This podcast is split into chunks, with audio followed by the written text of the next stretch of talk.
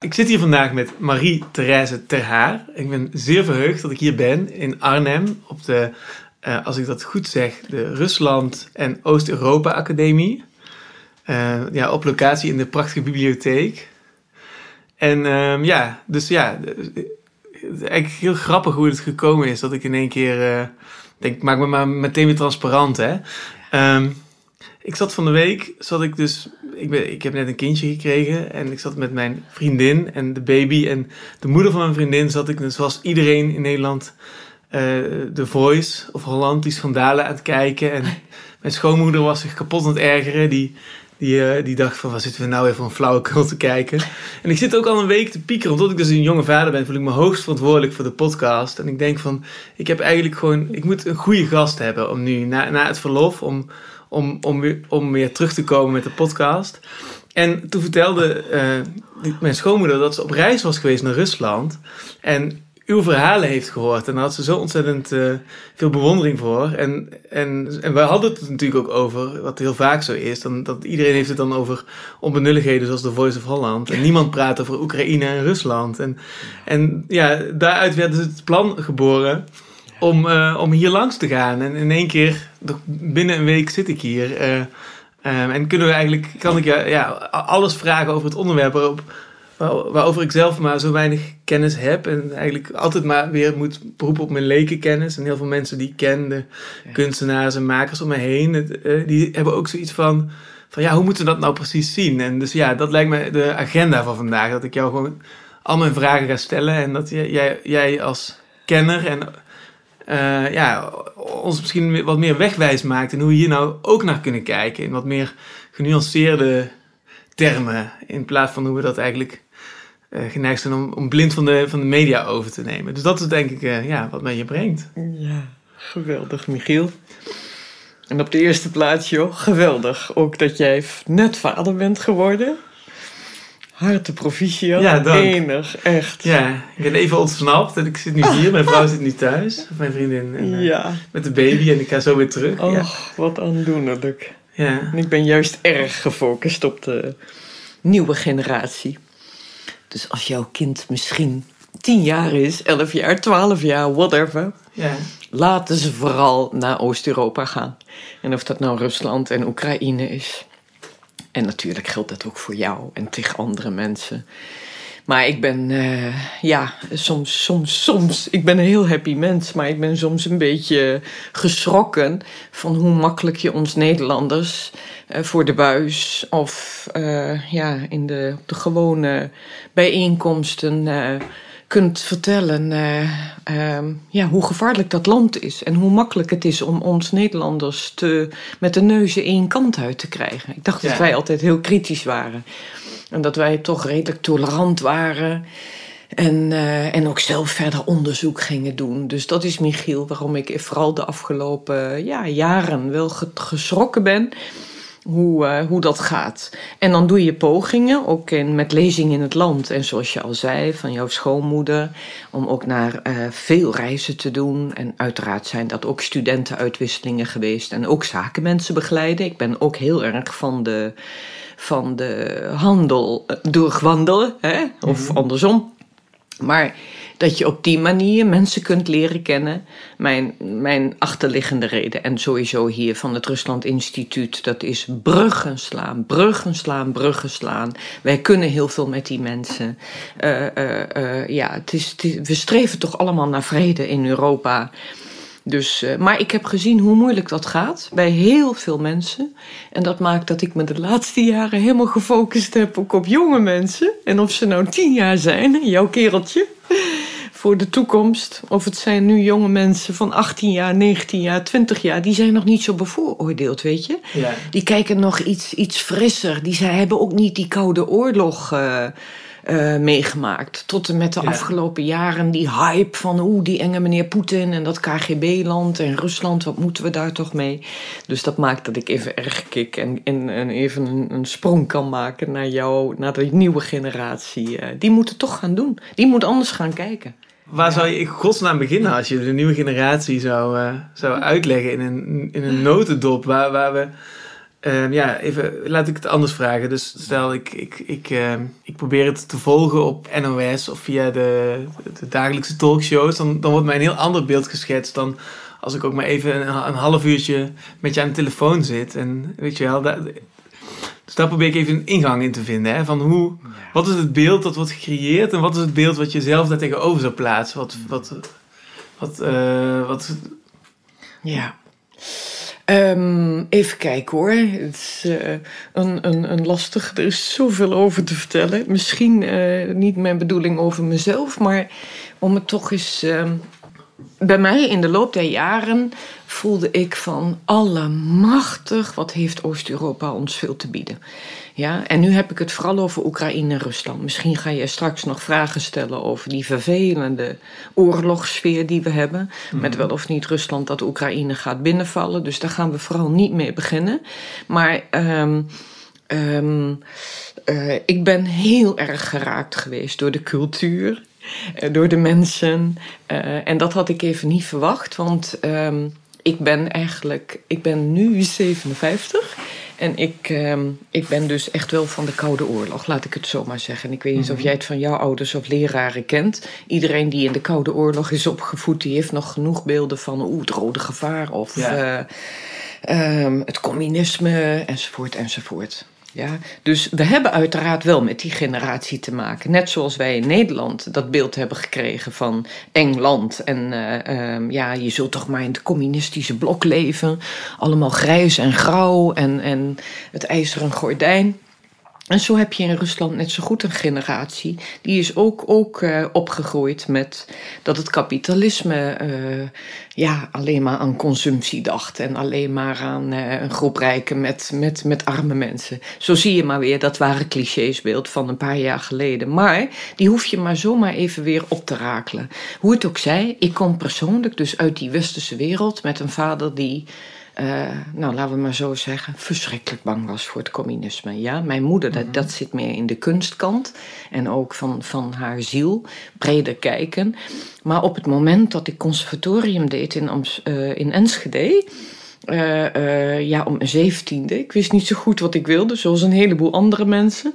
Maar gewoon muziekgevoel.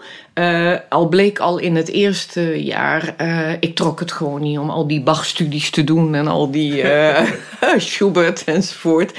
Blijkbaar wilde ik dat wereld nog in en niet alleen achter dat viooltje zitten. Dus ik switchte halverwege. En ja, wat moet je dan? Ik wist niet wat ik wilde en ik ben misschien door talengevoel. Ik wilde wel, uh, wel graag eens uh, Tolstoy ja, en Tsjechov in het Russisch lezen.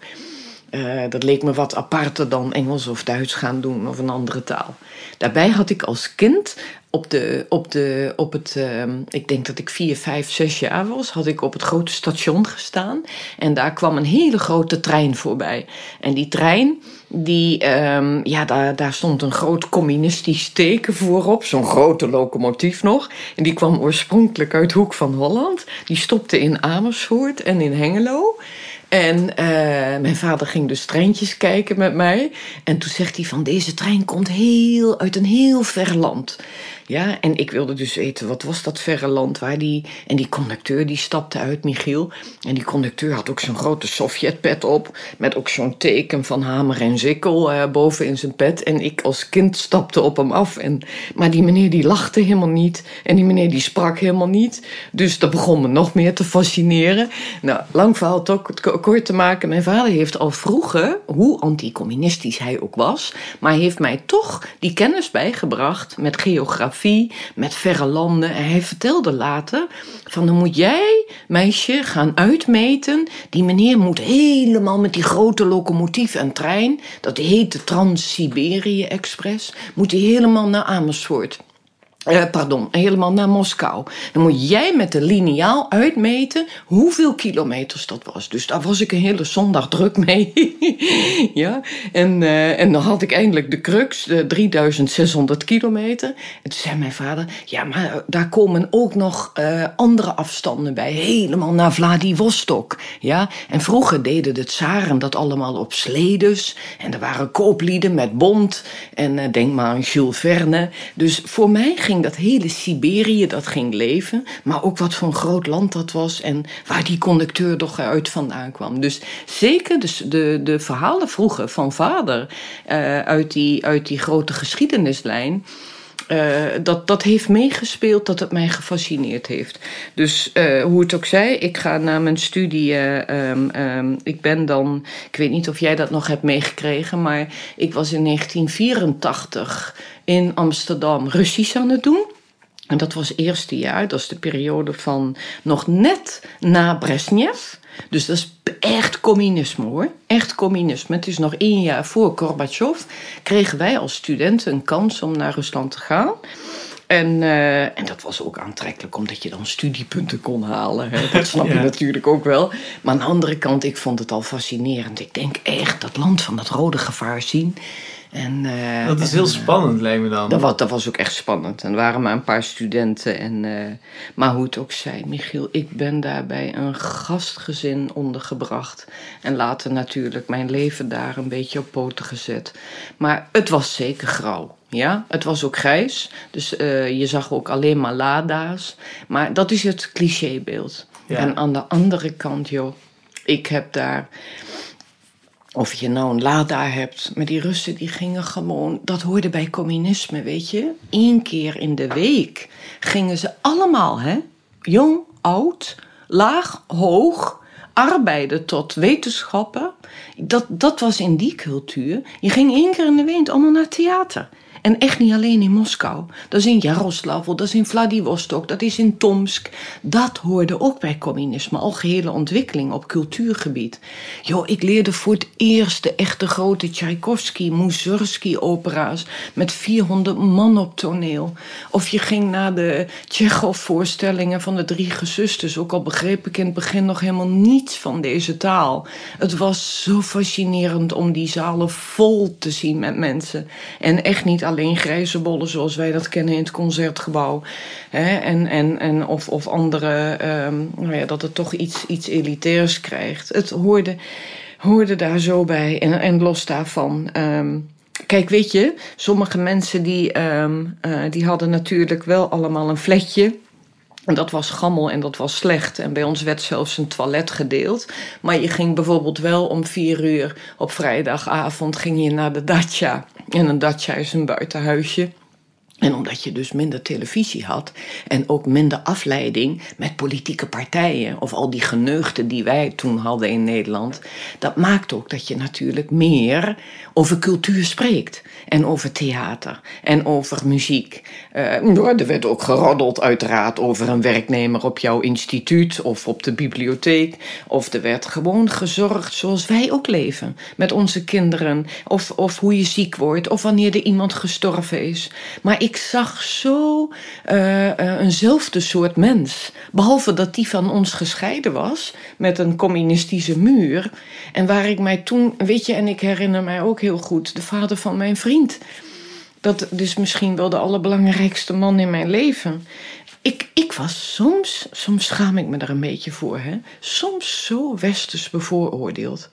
Ik heb het niet in mijn karakter hoor, om mensen uh, te gaan vertellen. Uh, maar ik had nog half niet door hoe ik soms bepaalde Sovjetmensen, dat waren Oekraïners en Russen, en, en, en Kazachen en, en, en god, overal waar we in die Sovjet-Unie naartoe trokken, waar, waar men familie had. Soms zei ik aan deze, laat ik hem even schoonvader noemen, dat is even wat makkelijker. Van, maar u bent toch niet vrij? Ja? U, u leeft toch onder dictatuur? U wordt toch door het communistische partij gestuurd. En, en, en hier in, in Brezhnev bepaalt toch hoe u moet leven. Nou ja, zegt hij, uh, dat waren de begingesprekken. Hè? Ja, meisje, ik heb op zich niets met communisme. Alleen, ik heb mijn streven in mijn leven en ik ben uh, onderzoeken. En hij dacht dat hij een doorbraak zou hebben op het kankeronderzoek. En, en nou, ik had nog een paar van die vragen. Van, maar u mag toch niet op vakantie, zoals wij dat mogen in het Westen? Ja? Dus dan, dan, dan zei ik wel eens: Ik wil jullie wel graag meenemen naar Amsterdam om te laten zien hoe bij ons het leven is. En samen zijn, uh, de handen schudden. Nou, hij zegt inderdaad, wij kunnen niet naar Amsterdam of naar Londen. Maar Michiel, ik vergat even dat diezelfde man, die nam mij wel mee naar Siberië.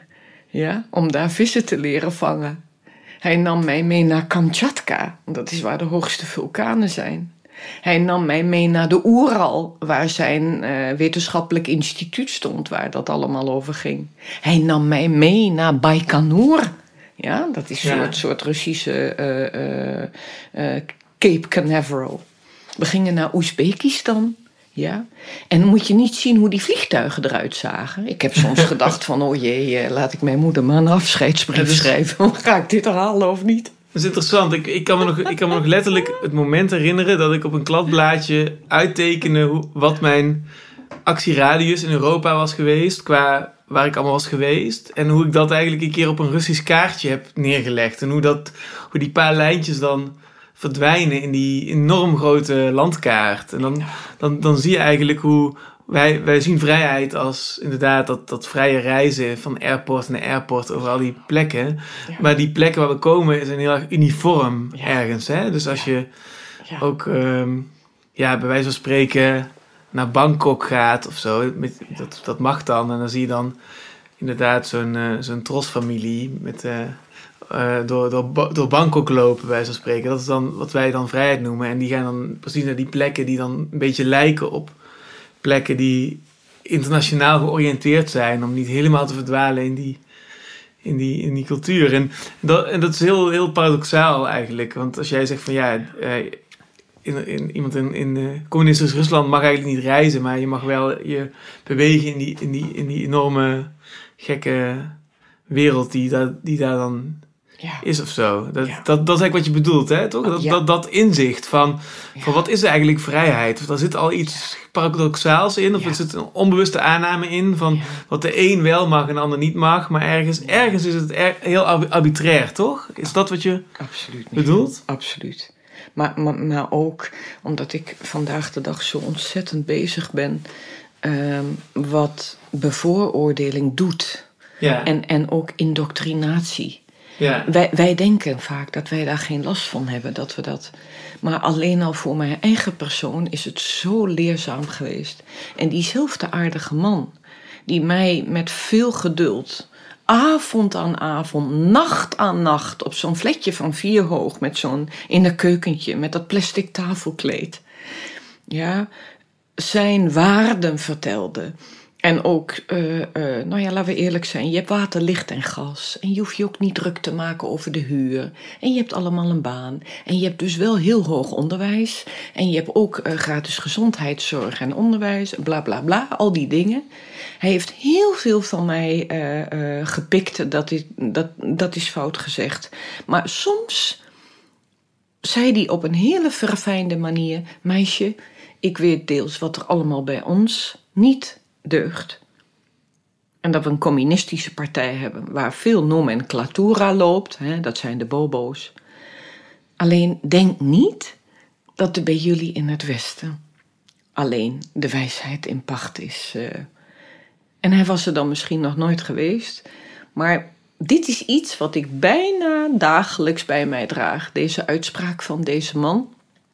En ja, het heeft er ook mee mee te maken met nogmaals de schok van de. Ik weet dat MH17 ook een rol speelt, Michiel.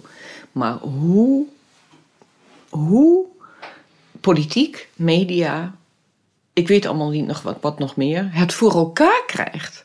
Om zeg maar 90% van de Nederlander. Ja, ik weet dat jij breder kijkt. Ik weet dat de jongere generatie hopelijk breder gaat kijken. Maar hoe je een groot deel van de Nederlander en dat houdt niet in dat, dat, dat, dat zij dan per se uh, anti-Rusland zijn. Maar van één ding is men eigenlijk wel overtuigd van het is toch, het, toch wel uh, een gevaarlijk land. En nou ja, zet er nog even de naam Poetin bij.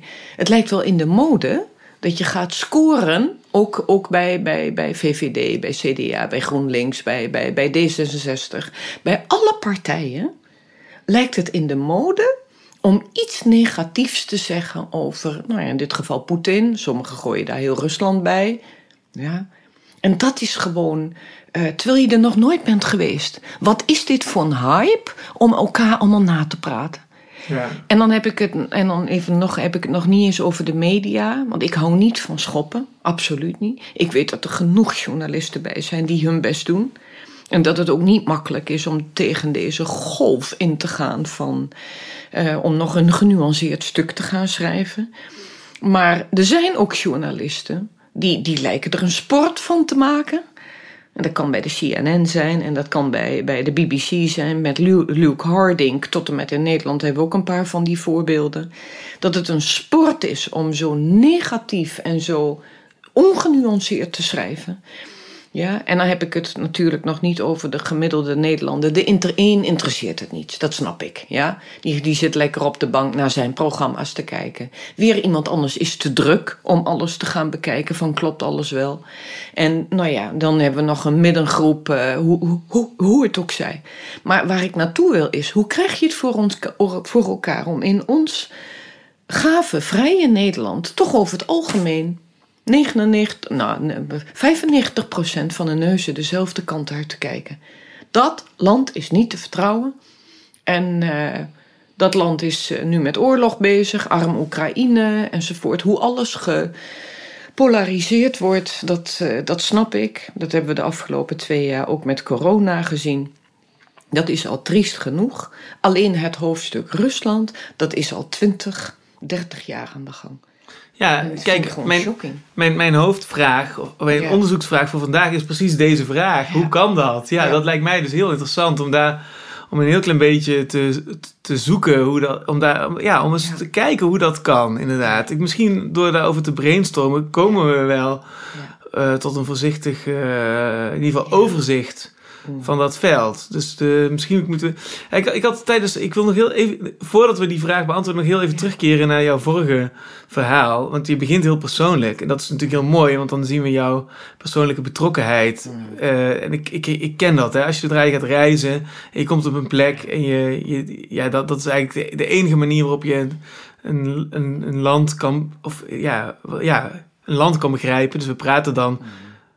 Eh, op, over Rusland op een geopolitieke manier. Dus dat is abstract. Dat is, dat is op een meta-level. En jij vertelt dan van binnenuit hoe dat voelt en hoe dat is als uh, jonge vrouw in zo'n wereld.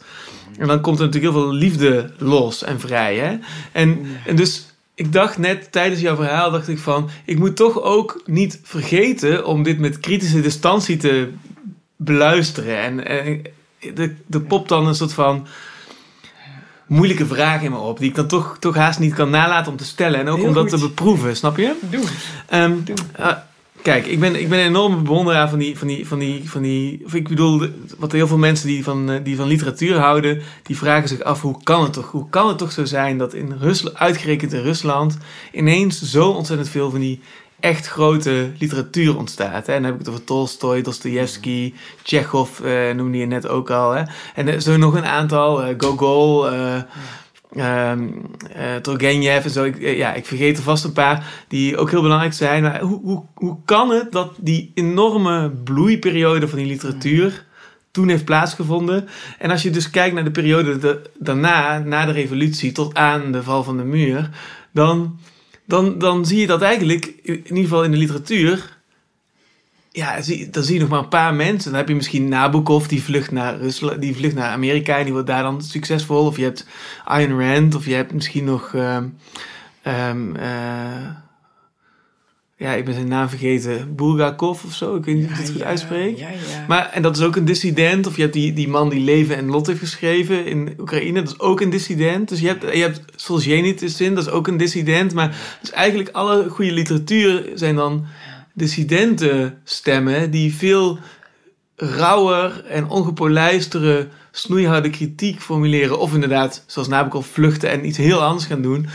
En dus die switch, die die, die neem ik toch ook waar als ik naar Rusland kijk. En dan, dan snap ik natuurlijk wat je zegt over die liefde voor, voor kunst en literatuur. Die is inderdaad verbazingwekkend als je er zo over vertelt. Hè? Die, die diepe. Dat heeft dat, ik heb het idee dat dat ook iets zegt over de Russische geest. Dus dat een nonsens benadering van leven en dood, die gewoon nuchter is of diep filosofisch is. Ehm, alleen, ik kom er toch niet omheen om ook te denken van, ja, maar zit daar niet ook een soort nostalgie in over een kunst van toen? Maar waar is de kunst die in die tijd ook gemaakt wordt. Hm. Kun je een artistiek leven leiden in dat Rusland waar jij toen geweest bent? En daar pieker ik over als ik naar je luister. Snap je wat ik bedoel? Ja, ja, ja, ja. ja. Oh, Zou je daar iets over kunnen zeggen? Ontzettend, ontzettend artistiek leven. Ik denk als jij nu naar Rusland zou gaan en je zou theater maken daar worden. Je weet niet wat je overkomt. Ja, dat is zo gaaf daar. Zo modern. En of ze nou allemaal uh, samenwerkingsprojecten hebben met Koreanen, of met Vietnamezen, of met Azië. Dat is ook iets, Michiel. Wij krijgen het niet mee. Maar ik, ik kan gewoon weer niet mijn kans afwachten om in Moskou in de theaters te zijn. En supermoderne musea. Ja, onderschat dat niet. Jij hoort alleen maar Navalny en oppositieverhalen, wat er allemaal niet kan. En ik bedoel eigenlijk ook vooral de periode dat je er was toen de, voor de val van de muur, zeg maar. Ja. Nee, want ook onderschat dat, dat ook, ook niet. veranderd. Misschien. In de, in de Stalin-tijd, hoeveel uh, schrijvers, en, en denk, denk ook aan Malevich en denk aan Kandinsky en Chakal, en die, nou, die zitten dan net iets voor Stalin. Oh wel, die, ja, die zit. Daniel Kahneman zit natuurlijk Precies, precies, precies. Maar uh, eigenlijk jouw kernvraag is toch ook wel even heel belangrijk, omdat dat mij ook gefascineerd heeft. Um, waarom in dat land met zoveel onderdrukking konden daar toch zulke prachtige schrijvers ontstaan? Kijk, uh, um, ik blijf, uh, dat blijf ik zeggen. Nou, de kern van mijn vraag is eigenlijk: zie jij dat? Ja. Klopt het? Klopt mijn observatie dat dat veranderd is van voor de revolutie ten opzichte van na de revolutie? Of klopt eigenlijk meer jou, wat je, het beeld wat jij ook schetst vanuit daar zijn geweest, dat er ook eigenlijk meer hetzelfde is dan verschillend? En is dat iets wat aan ons zicht onttrokken wordt? Dat is denk ik de kern van mijn vraag. Ja, het, het wordt, aan, het wordt aan jouw zicht onttrokken. Nogmaals, ik daag je uit deze zomer. Ga met vrienden. Ga daar naartoe en je weet niet wat je gebeurt. Echt waar hypermoderne theaters. En natuurlijk in de operawereld, muziekwereld, is het soms nog wat moeilijk om daar een moderne productie neer te zetten. Want daar zijn sommige regisseurs heel erg voor het traditionele, om Piekdam van Tchaikovsky en Mussorgsky. Maar theaters, dat is, oh, dat is natuurlijk het vernieuwende, avant-garde wat allemaal doorgaat van. Uh, maar heel even terug, hè ik blijf ervan uh, van overtuigd, en dat, dat voel ik echt zo. Wij kunnen heel veel met Rusland. We hebben duizend jaar geschiedenis met dat land. En Oekraïne en Rusland hoort voor mij samen. In ieder geval de tsarentijd. Mm Vandaag de dag wil ik mee in, in, in onafhankelijkheid denken.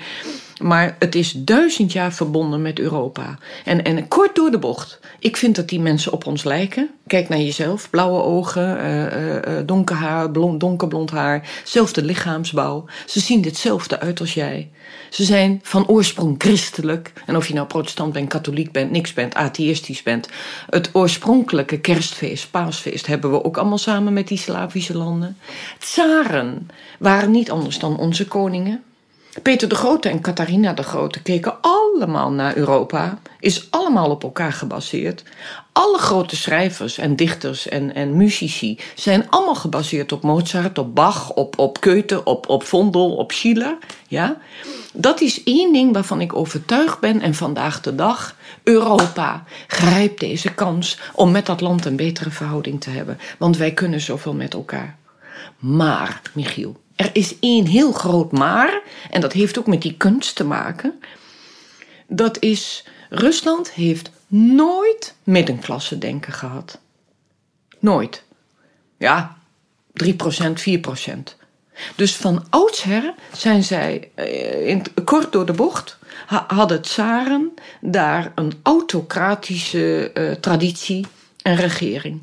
Dat houdt in ongeveer een 3, 4% toplaag met een onderlaag van ongeveer 95% Andere boek staat 93% Die onderlaag in de tijd van Leo Tolstoy en Turgenev en Tsjechov is zo arm dat zijn slaven in eigen land.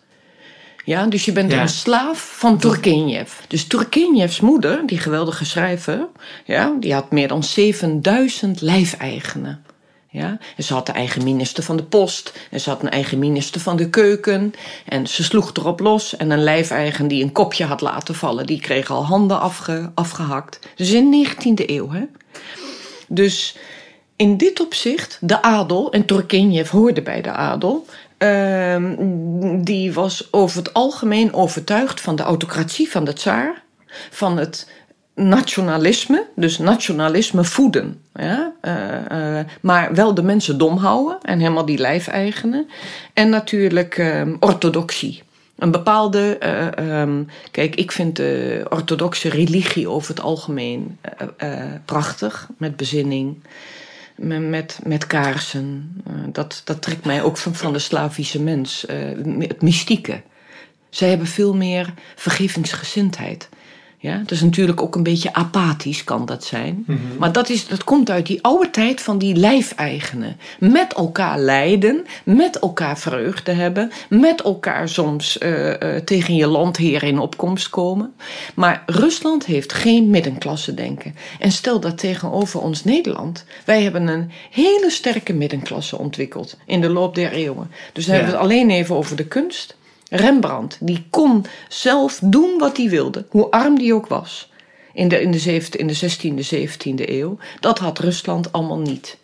En nu naar de 19e eeuw. Hoe komt het dat daar zo weinig kunst is geweest, of dat alleen die grote jongens eruit springen? Dat is omdat sommige van die adellijken, die hebben gedacht: het is toch wel beestachtig hoe we met onze lijfeigenen omgaan. Dus bij ons in het Westen, en met name ook Nederland, is het kunst. Om de kunst. Mm Laar pour laar. Of je, eh, denk even aan Theo van... Uh, Theo, denk aan Van Gogh. Ja. ja? Hoe, hoe, moeilijk die het ook had. Hij kon zijn eigen kunst gaan bepalen. Impressionisme, expressionisme. In Rusland is dat wat minder bekend. Kunst om de kunst. Want dat was meer omdat sommige adel wilde protesteren tegen de macht van de autocraat. Uh, en de ene autocraat was heel beroerd en de andere was wat minder beroerd en was zelfs goed. Maar die adel, waarvan er een paar van die 3%, de, het merendeel was, was conservatief en mhm. overtuigd uh, van, van, die machthebbers daarboven. Maar het grotendeel, uh, sorry, hè, niet het grotendeel, een klein deel, à la Leo Tolstoy, à la Dostoevsky, à la Turgenev enzovoort, die hebben gedacht: wij moeten met.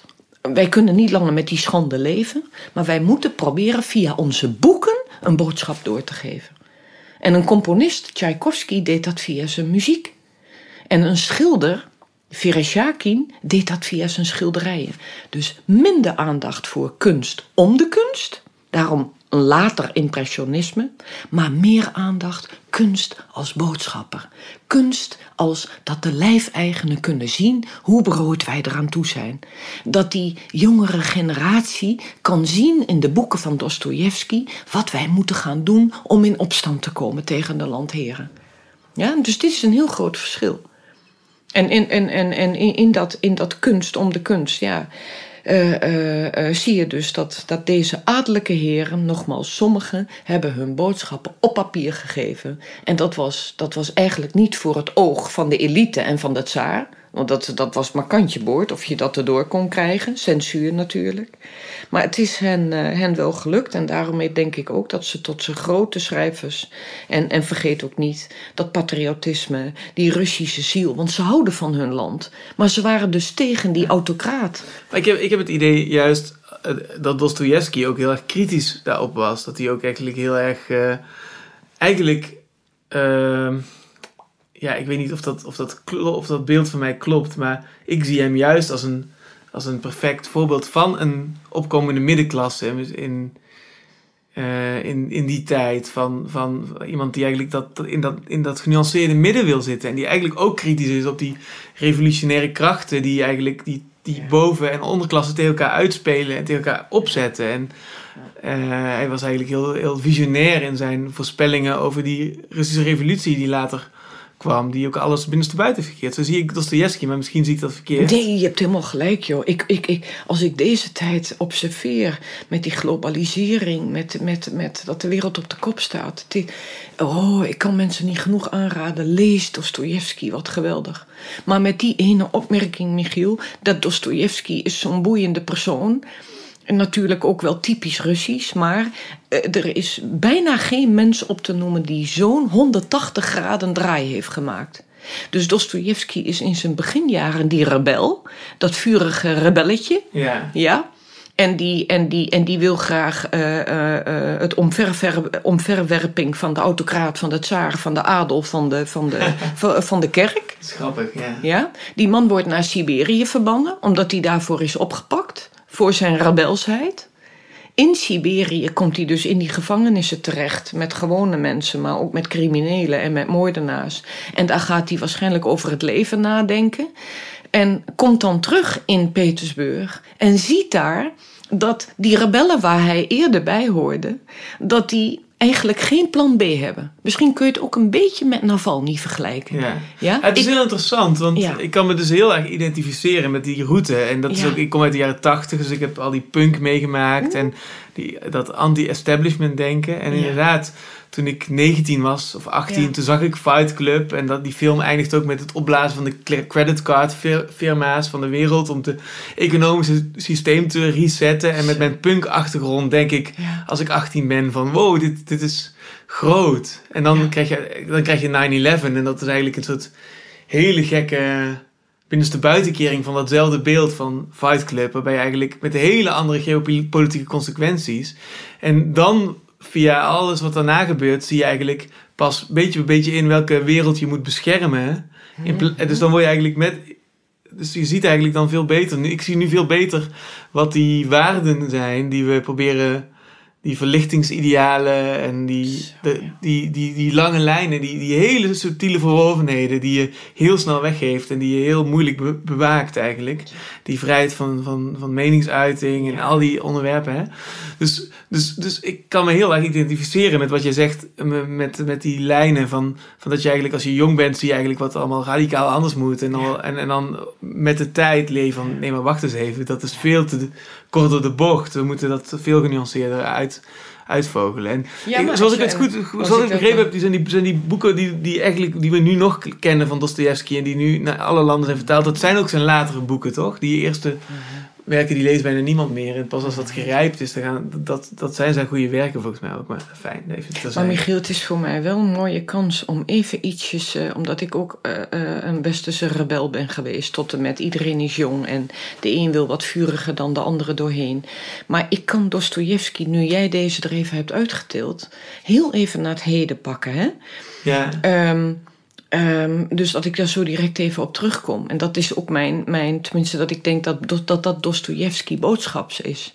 Nu plaats ik Dostoevsky naar de eindfase van het communisme, waar ik het net over had. Ik trok bij Rusland naar binnen, ik zag die mensen in een Lada rijden. Ik zag dat ze ziekzorg hadden. Die Lada als icoon voor de oude. En ik zag dat ze naar theater gingen. Ik zag dat ze op hun manier ook iets van het leven probeerde te maken. En natuurlijk was de grauwheid, maar communisme voorbij, Michiel. Mensen hoopten op vrijheid. Het was één rebelse toestand en één vlaggen voor vrijheid, voor democratie. Wij horen nu bij het Westen. Yeltsin zou de weg gaan naar het kapitalistische stelsel gaan, gaan voorbereiden. Daar ben ik gaan zien. Dat terug naar Dostoevsky. Yeltsin had niet gezorgd voor instituties die het proces kunnen begeleiden om bijvoorbeeld rechtspraak te hebben, om bijvoorbeeld uh, politieke en economische organisaties te hebben. Ja, alles viel weg, Michiel. Het was net een soort Libië van een staat waar met communisme nog redelijk veel structuur was. Zo zag je in een paar jaar tijd dat omdat je dan ineens kapitalistisch moest worden, zoals West-Europa en met name Amerika, met al die McDonald's daar. Je zag dat alleen maar een groep hele rijken daarvan profiteerde. Ja. En dat verder arm, dus zeg maar deze schoonvader, tot en met alle mensen die werk hadden in fabrieken, in cultuur, in, in operahuizen, in, in, in leraren, ziekenhuizen, alles ging onderuit. Alles. Ja, en, en, en dat is zo'n beestenbende geworden. Zo'n maffiabende. Zo om je rot te schrikken. Terwijl wij in het Westen dachten: maar die mensen zijn toch nu vrij? Ja, maar wat is vrijheid als je alleen maar een boevenbende hebt? Geen institutie die nog werkt. Ja. En dit bedoelde Dostoevsky, denk ik, dat ook al ben je eerst rebel en dan is dat heel belangrijk, want je wilt een betere maatschappij. Maar als je die betere maatschappij door een ander laat opleggen en kapitalistische instituties in het leven hebt die eigenlijk nog niet bij jou horen, of dat proces kun je nog niet zo snel aan, ja, dan, dan, wordt, het, dan wordt het chaos. Zoals Dostoevsky ook zei. Ja. ja. En dat heeft hij natuurlijk als geen ander ook meegemaakt. Dat hij hij komt terug in dat Rusland waar een tsaar was die bevrijdingen had toegestaan. Die tsaar heet de bevrijde, tussen twee haakjes. Maar doordat die tsaar ook niet voldoende tijd heeft gehad om die instituties in het leven te roepen en al die lijfeigenen een beter leven te geven, ging dat allemaal veel te snel. En daardoor kwamen er rebellen en, en terroristen en, en, en de eerste communisten opzetten. Nou ja, en dan voel je, dan gaat dat niet gestructureerd. En daar gaat een Lenin op staan. En die zegt, uh, wij gaan de eerste uh, socialistische staat op aarde opzetten. Nou ja, en daar komt Stalin uit voort. En helaas, dan wordt het een, uh, een grote, hele moeilijke tijd. Dus, dus, maar voor mij is Dostoevsky ook een eye-open in het hedendaagse Rusland. En dat is ook om iets te begrijpen van meneer Poetin. We hoeven het vanavond niet over Poetin te hebben. Maar je, wat je ook van Poetin kan zeggen. Hij heeft die wildwestmaatschappij van Yeltsin. Met al die boeven. En vergeet ook niet met hoeveel zwervers er ineens waren. En hoeveel lijm snuivende kinderen. Ik heb, ik heb nog nooit lijken gezien. Jo, van armoede, van ellende in het jaar 2000 onder de noemen wij zijn vrij en democratisch en kapitalistisch, waren de lijken van kindjes die uit ontwrichte gezinnen uh, uh, uh, geen eten meer konden hebben, wegliepen van huis. En dan, en dan aan, de, aan de eerste drugstoestanden. Hoe, hoe die kindjes daar opgestapeld lagen bij een, bij een, bij een kerk in, in Smolensk. Dat zal ik nooit vergeten. En Poetin zei dus in het jaar 2005: Het is genoeg met deze bananenrepubliek. We gaan nu eerst streven naar orde, veiligheid, structuur. Mensen die weer toekomst hebben, banen creëren. Ja? Wij, wij, wij horen hele andere berichten over Poetin. Dat een, een KGB'er is en mensenrechten deugt allemaal niet. Nee, we hebben te weinig, uh, te weinig weten hiervan. En ik hoef niks met een dictatuur. Ik hoef helemaal niets met een autoritaire leider. Ik ben daarvoor te veel Nederlands. Maar ik weet wel waarom een heel groot deel van Russische mensen vandaag de dag een beter leven hebben gekregen. En omdat ik, ik, ik woon nu meer dan 35 jaar, half in, in Rusland, half in Nederland, of half in Oekraïne en half in Nederland. Maar één vraag aan jou, hè? Wat er bij ons in de berichtgeving ook misgaat. Wij in Nederland worden allemaal blij als je de naam Gorbachev hoort. Ja, dat is een, een, een leider van de eind, eindfase van communisme. Die vonden wij een hele aardige man, enzovoort. En de Russen zeg, zeggen voor, voor, voor, voor, voor, voor 95 procent... Oh, in vredesnaam, hou op over die man. Die heeft ons land uh, niet goed bestuurd en geen plan B. Daar hebben we weer Dostoevsky. Die heeft het niet onder controle gehad hoe je een proces moet leiden. Dus in het Westen is Gorbachev heel populair en in Rusland nog bij geen 5%. En nu, 30 jaar later, in het Westen, is Poetin, nou ja, als een soort Satan of autoritaire leider. En in Rusland is die bij, nu zijn dus tellingen, 72% populair. Rara, hoe kan dat? Wat gaat er mis in de richting? Jouw vraag is raar, hoe kan dat? Ja. Ja, dat is een goede vraag.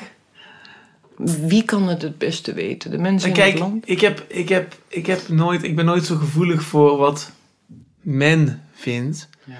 Omdat ik gewoon zelf op onderzoek uitga. En ik ook, kijk ook heel anders. Ik heb ook een heel onconventioneel antwoord naar, op de vraag hoe ik naar Poetin kijk. Uh, als jij mij zou vragen van hoe zie jij Poetin en hoe zie jij Gorbachev, dan zou ik uh, twee, twee documentaires aanhalen. Uh, de eerste documentaire, daar ben ik de naam van vergeten, die zag ik twee of drie jaar geleden in de Bali. En die ging eigenlijk over die tijd vlak na de val van de muur in Rusland. Die beschreef eigenlijk die cowboyjaren. Die liet eigenlijk zien hoe eigenlijk binnen no time die zeven of wat oligarchen opkwamen. Die eigenlijk als een soort hyperkapitalisten, noem ik het maar even, of superkapitalisten, eigenlijk binnen no time alles eigenlijk naar zich toe trokken. En waardoor die eigenlijk die. En liet ook heel goed zien hoe eigenlijk die mensen in Rusland droomden van een soort cliché van wat die vrije wereld was. Wat eigenlijk gewoon, ja, inderdaad, die McDonald's-achtige ronde, dikke Amerikanen clichés zijn. En daar droomden ze van. En die zagen al heel snel dat dat helemaal niet te realiseren was. En ik Ehm, van de week of een aantal weken of een maand of wat geleden heb ik geluisterd naar een uh, podcast met Matt Taibbi, een journalist uit Amerika. Die was bij Joe Rogan. En die was in die tijd ook volgens mij in Rusland veel aan het schrijven. Die vertelde ook hoe eigenlijk in zijn de kranten en tijdschriften eh, waar hij publiceerde. Hij schreef volgens mij onder andere voor Rolling Stone. Ik weet niet zeker. Ehm, daar, daar heb ik in ieder geval een aantal stukken van hem gelezen. Maar ik denk dat hij ook andere kranten destijds bedoelde. En hij zei in het interview dat hij helemaal die stukken niet gepubliceerd kreeg. Hij zei van, ik kon wel zeggen dat die mensen daar geen geld, geen monetair systeem meer hadden. En van ruilhandel begonnen te leven. En van wanhoop niet meer wisten hoe ze aan middelen moesten komen. Maar die stukken kreeg ik helemaal niet doorheen bij mijn redacteuren. Want die redacteuren wilden weten dat het goed ging met Rusland. Dus ik kon alleen maar pro Rusland stukken gepubliceerd krijgen. En dan heb je het over 1990, 1991, 1992 denk ik, of misschien 1998 of zo. Dus, dus als je vraagt hoe, hoe kijk je naar Gorbachev, dan, dan zijn dit de twee beelden die me te binnen schieten. Als je vraagt hoe kijk ik naar Poetin, dan moet ik denken aan een documentaire die ik dit jaar zag van, vorig jaar zag van Adam Curtis. Ik weet niet of je die kent, maar dat vond ik een briljante documentairemaker. En die heeft een, vorig jaar een, een zesdelige documentaire gemaakt. Uh, waarin hij probeert te ontrafelen hoe, waarom we in het nu zitten, zoals we daar nu in zitten. Maar hij heeft een hele poëtische, intuïtieve manier van monteren. Dus hij heeft zes, zeven uur van alleen maar archiefmateriaal. Dat knipt hij op een soort hele vrije, losse manier aan elkaar. helemaal geen eigen beelden, alleen dat archiefmateriaal. En er zit af en toe zijn voice-over overheen. En daar is voor het eerst bij mij het kwartje gevallen van hoe ik naar Poetin moet kijken. Door te kijken naar hoe hij daarnaar kijkt. En hij ziet het eigenlijk als een leider die in een, op een ideale manier uit die leemte is ontstaan. Ja. In een soort vacuüm. Dus, het is geen, dus wij zien er een autoritaire man in. Maar naar mijn idee is het dus, als ik die documentaire van Adam Cursus volg, is het geen autoritaire man, maar is het eigenlijk inderdaad een ideale bureaucraat die gewoon, dat, dat is die KGB-achtergrond, die, die eigenlijk zichzelf goed kan wegcijferen, die goed kan gedijen in culturen, die goed kan kijken en op die manier steeds in die voids kan, of in die leemtes kan gaan zitten. En als je daarin karakter toont, dan kun je karakter tonen door te zeggen van, nou oké, ik hoef van mezelf niet zoveel, maar laten we wat basics gewoon goed regelen. En dat heeft hem geliefd gemaakt. Dus hij is eigenlijk de ideale persoon op het ideale moment die eigenlijk die leegte invulling geeft. En zo kijk ik naar Poetin. Ja. Ben ik te volgen? Ik, ik, ik, ik vind je heel goed te volgen. Ik ben ook verbaasd hoe, uh, hoe je dit toch uh, tot je hebt genomen. Want dit is voor een heleboel Nederlanders toch abracadabra.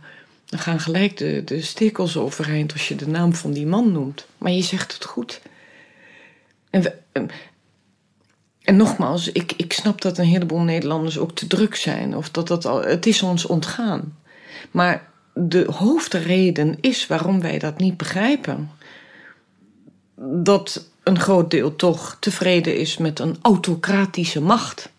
Ja, dat, dat is omdat wij hebben gemist in onze media het drama van de jaren negentig. Dus de muur die valt, communisme is voorbij.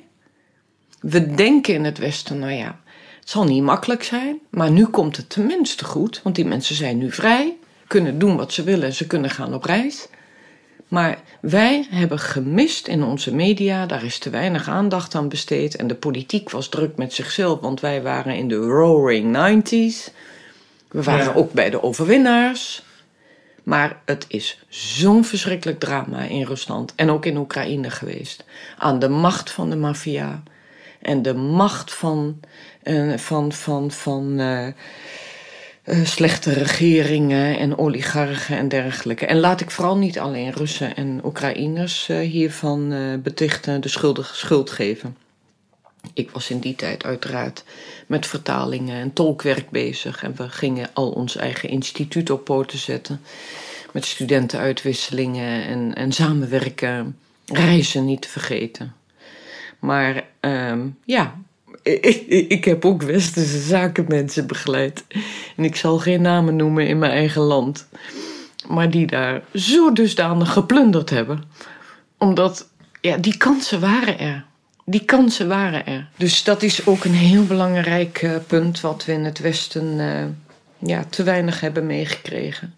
En vergeet ook niet, die Russische mensen waren ongelooflijk pro-Europa.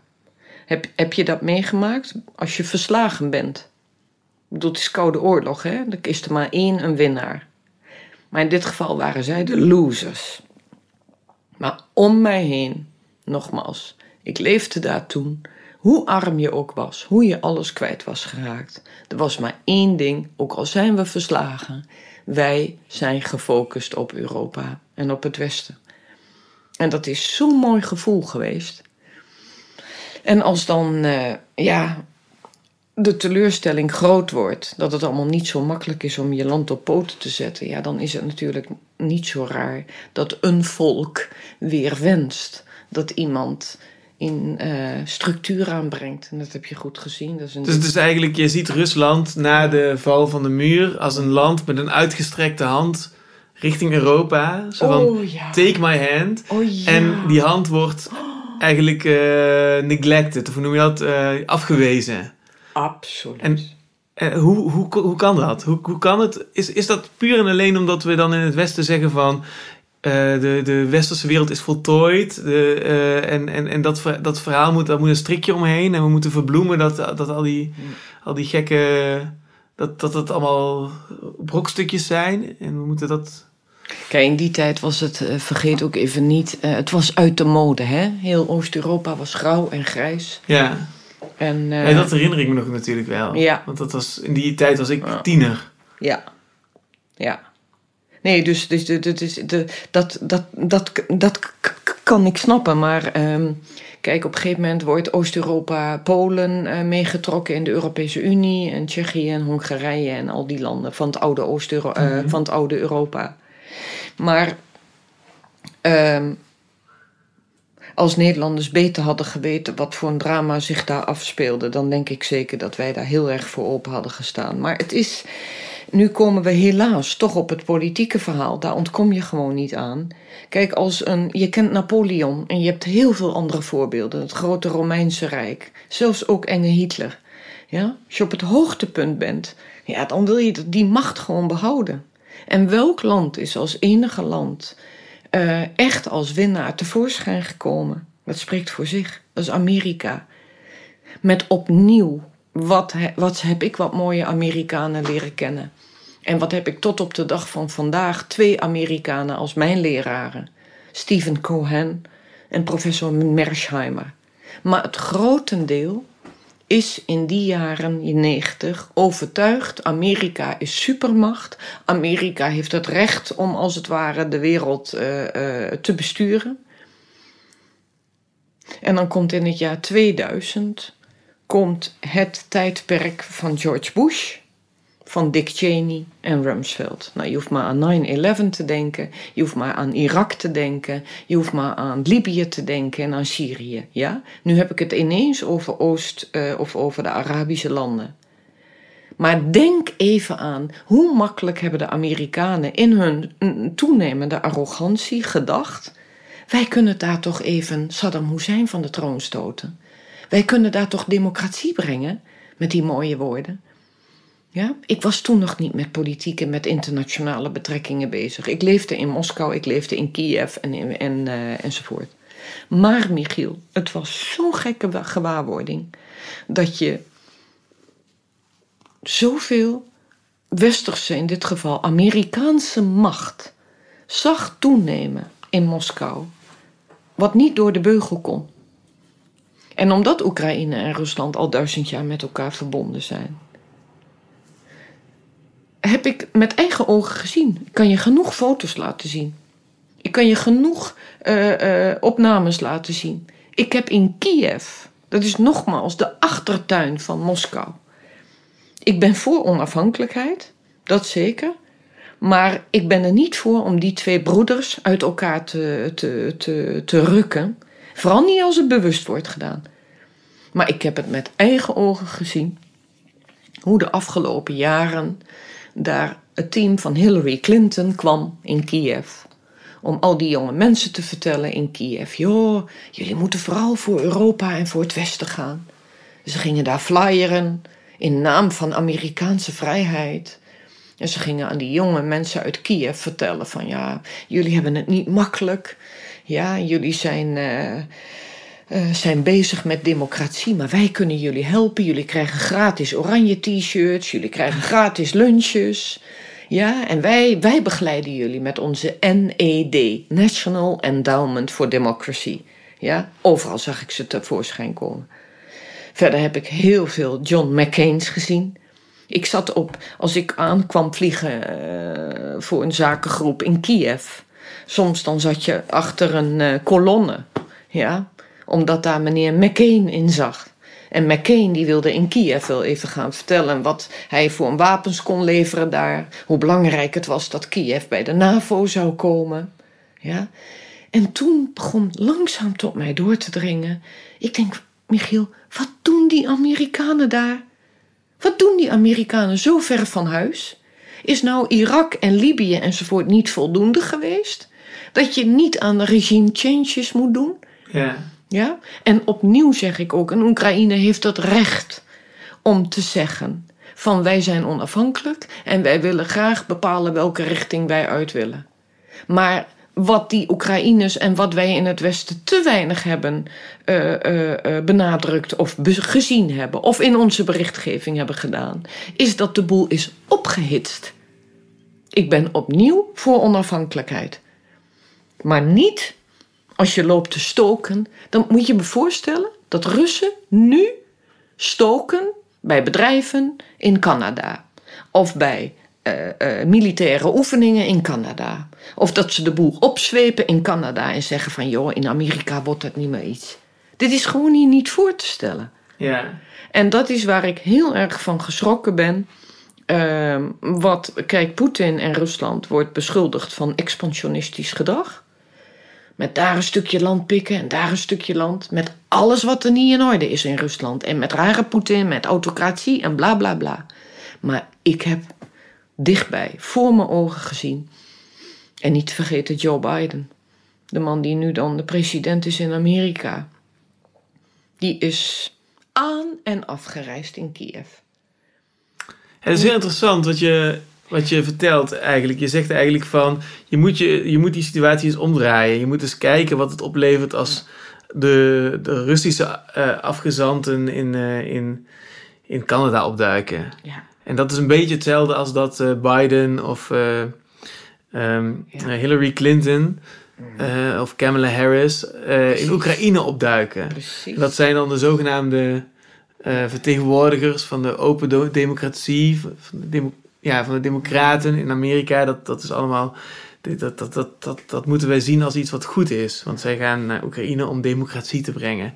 Jij zegt, je moet dat hetzelfde, je moet dat eigenlijk vergelijken met wat het zou doen als, als Russen um, in Canada zitten. En dan moet ik eigenlijk denken meteen natuurlijk aan, uh, ja, we hadden het ook al heel even aan de telefoon over van, uh, Um, ik moet natuurlijk meteen denken aan hoe dat is gegaan met de verkiezing van Donald Trump. En die, uh, die werd eigenlijk in, in 2016 verkozen. En ik denk dat we heel makkelijk kunnen inmiddels met. Dat, kon, dat konden wij in het theater toen al heel goed duiden. Maar en dat heeft even geduurd uh, voordat de publieke. In de publieke. Uh, wereld da daar ook duiding aan werd gegeven. Maar volgens mij is dat heel goed geografisch te duiden. Want het gaat namelijk over mensen in in de, op het platteland en in de dorpen en de kleine steden in Amerika. En die, die leven in. in ik, ik heb een artikel gelezen waarin stond van. Nou, als, als, er een, als er een kleine provinciestad is en er is geen ziekenhuis en geen school meer, geen universiteit of iets, dan bloedt die langzaam dood. En die mensen die zijn gewoon. Die zijn gewoon helemaal spuugzat dat daar een, Walmart komt en die zuigt heel die economie leeg. En die hebben zelf niks meer om op te bouwen. Dat lijkt eigenlijk een beetje op hoe je hoe je die, die Rusland beschrijft vlak na de val van de muur. Hè? Dat geldt dan in, in heel veel Amerikaanse plekken ook zo. En, en dat is voor een heel groot deel wat de populariteit van, van Donald Trump uh, verklaart. Wat eigenlijk gewoon een soort wildcard is in de politieke structuur tot dan. in de Amerikaanse logica. Je denkt gewoon van, weet je, we stemmen wel gewoon op hem, want dan kan er misschien iets veranderen in deze gekke cultuur. En, uh, en uitgerekend die verkiezingen wordt dan wordt, wordt een poging gedaan, juist door bijvoorbeeld The Guardian of door uh, eh, CNN of door um, eigenlijk die, die progressieve links georiënteerde, democratische mainstream media, om dat te framen als iets wat, wat alleen maar had kunnen gebeuren vanwege Russische inmenging. En dat wordt Facebook erbij gehaald. En dan gaat Donald Trump uiteindelijk zelfs nog van Twitter afgegooid worden, om maar te laten zien van nee, maar er zijn Russische hackers en er is een soort inmenging. Dus dat is eigenlijk de hele ironie van, deze, van, van, van wat je me allemaal vertelt, is dat, dat juist Amerika met best wel veel succes dat verhaal produceert van Russische inmenging. Terwijl jij eigenlijk zegt van nou, in tegendeel, het is eigenlijk Amerikaanse inmenging in Rusland. Schokkend. Dat is heel interessant, toch? Ik, ik weet niet, ik, ik, ben, ik ben misschien een beetje wild in mijn samenvatting nu, maar dit is meteen wat er in mijn hoofd zit. En ik, ik had van, vanmiddag in de, in de voorbereiding van het gesprek, was ik met een goede vriend aan het bellen die er best wel veel van af weet. En hij zei van ja, je moet eigenlijk oppassen dat je zowel links als rechts, of ik bedoel dus zowel aan de Russische kant als aan de Amerikaanse kant, niet in diezelfde val trapt. Want er is eigenlijk propaganda van twee kanten. Hè? Dus, uh, dus dat is eigenlijk het moeilijke aan. Hoe, hoe kunnen we nou die, uh, dat is, dat is die frisse blik bewaren? Dat is eigenlijk mijn vraag. Zo mooi, ook wat je vriend zegt, maar ook hoe, hoe jij zelf, uh, zo voel ik het, in elkaar zit. Maar dat is, dat is ook niet alleen mijn frustratie of machteloosheid. Er zijn dus duizenden andere mensen met mij die aan de alarmbel hangen. Ja van hoe we dit zo westers uh, hebben gezien allemaal.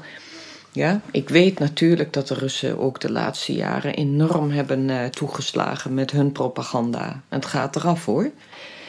Maar goed, zo ben ik dus ook geschrokken van mijn Nederlandse en de Engelse en, uh, en de Amerikaanse ophitserij. Tot en met leugens, tot en met dingen die niet kloppen. Maar daar wil ik ook naartoe van hoe erg het is dat dat land zo pro-Europa was. Echt, Michiel, ik kunt je niet voorstellen. Hunkerend waren ze naar een schouderklopje van Europa. Oh. Ja, dat, dat, klinkt, dat klinkt emotioneel en dat, dat, dat, is, zo zit ik niet in Ik zie uiteindelijk, als je, lang genoeg over, op, als, als, je maar lang genoeg over landen praat, dan zie ik het eigenlijk als gewoon mensen. Het, dan zie ik zo, zo, Rusland in een hoekje in zijn vakantiehuisje zitten, wat geen, geen, geen arm om, om de schouders krijgt idolaat waren ze. Van onze mentaliteit, van Nederland, van Peter, van Wenen, van Rome. Ze horen bij Europa. Ze hebben inderdaad in de jaren negentig ook op een stukje ja, Europa. Ehm, Europa, uh, ja, daar horen wij dus bij. Maar nogmaals, het draaipunt zit in dat jaar 2000. Ja. Daar komen neoconservatieven in Amerika aan de macht. En een strategie die daarachter zit, komt ook niet op onze televisie. En dat is gewoon de voorbereidingen van de NAVO. Waar het nu om gaat, waarom we nu zo'n oorlogssituatie hebben. Hopelijk, hopelijk gaat dat goed. Ja? Maar er zijn meerdere pogingen geweest dat ook de Russische regering, die ook nog steeds pro-Europa was. En ik weet niet of jij je dat nog herinnert, maar Poetin die had een prachtige speech in, uh, in de Reichstag in Berlijn. Waarbij hij dus ook aan Europa zegt wij hopen op de samenwerking voor de toekomst. Wij horen bij elkaar.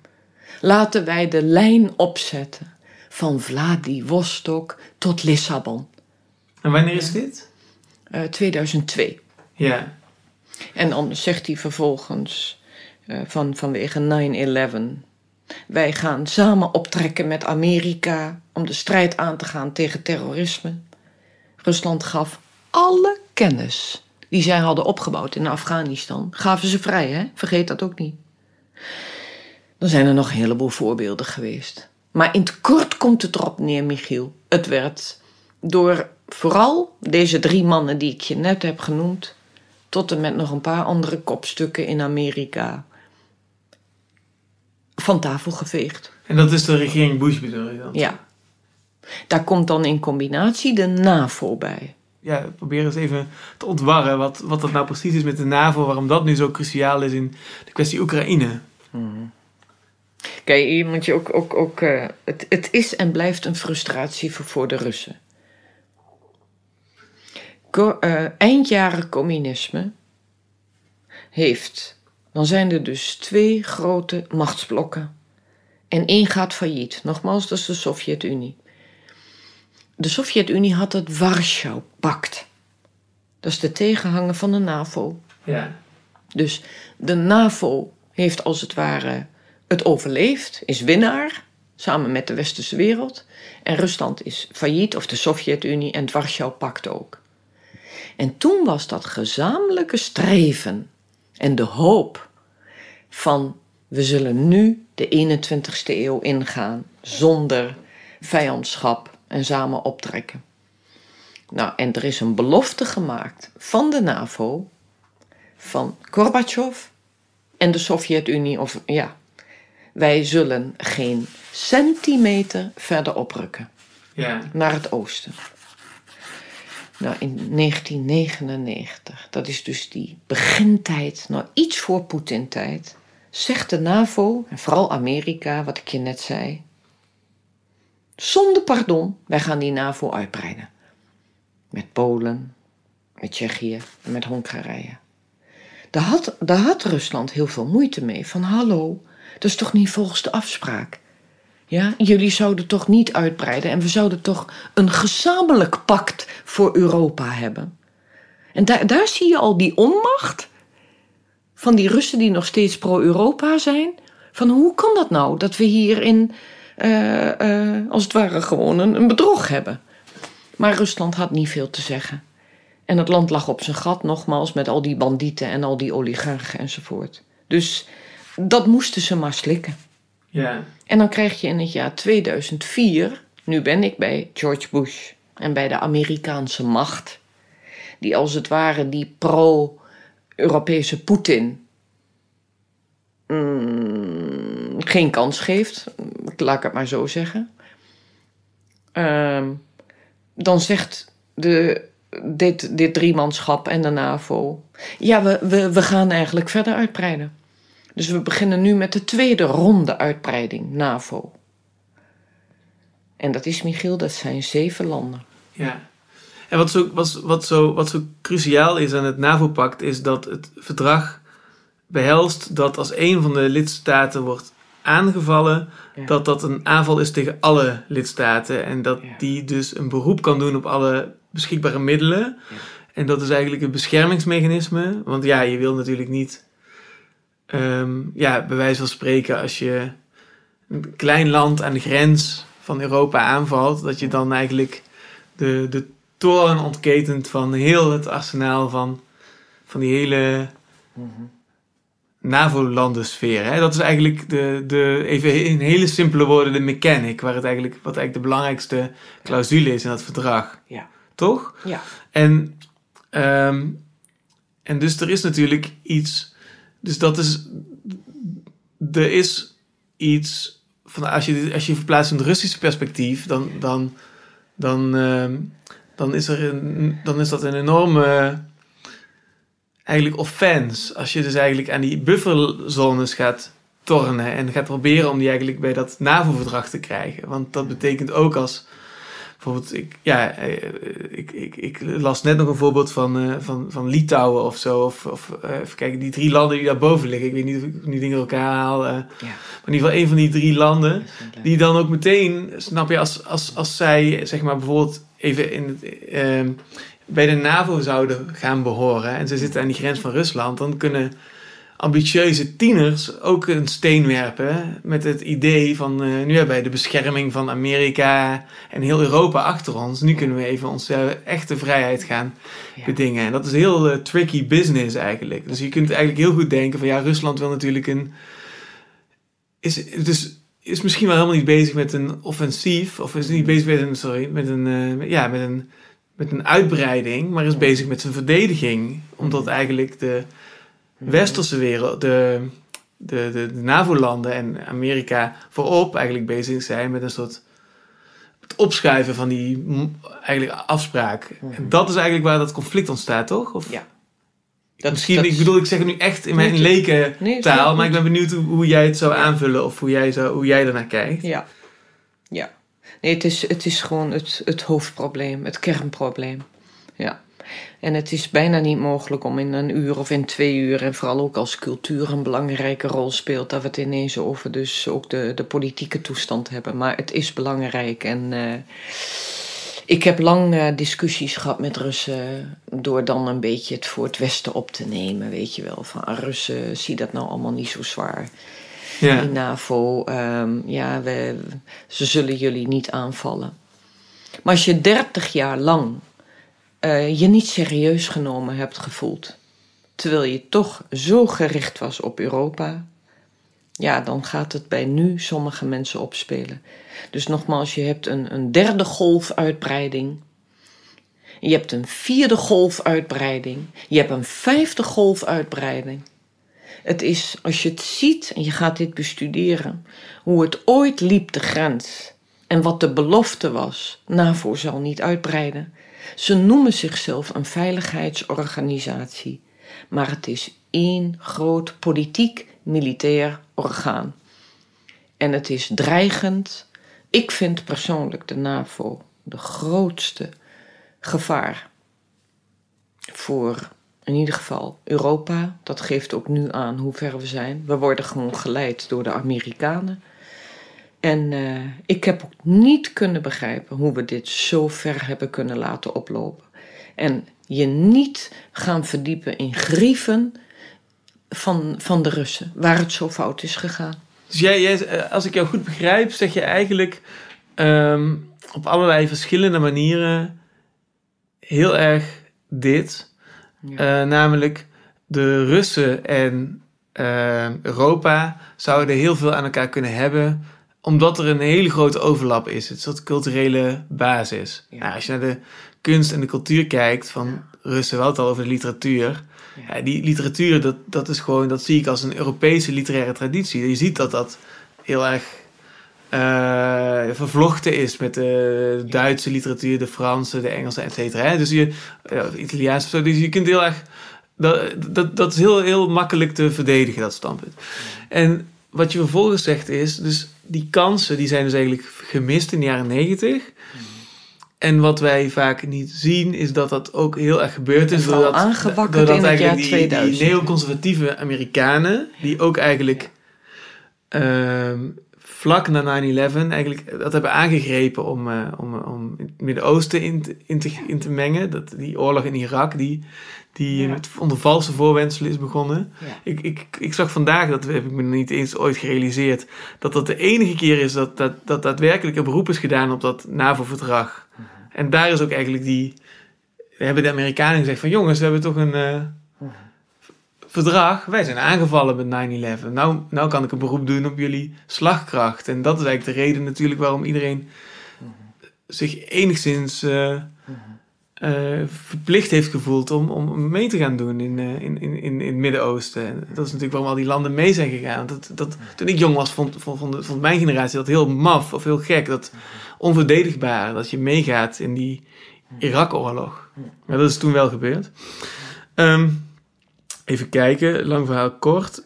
Wat wilde ik nou zeggen? Kijk, het, dat, het, ja, ja. ja, en dus het tweede wat je dus wil zeggen is dat dus dat, dus, dat die die, dat Rusland en Europa iets aan elkaar kunnen hebben, dat is, wordt eigenlijk verhinderd door die inmenging van Amerika, die eigenlijk als een soort handpop in die sok van Europa gaat zitten en eigenlijk duwt. En tegen die randen aan duwt en dat op begint te schuiven. In die, in die bufferzones die tussen die Europese kern en die Russische kern eigenlijk in dat conflict mhm.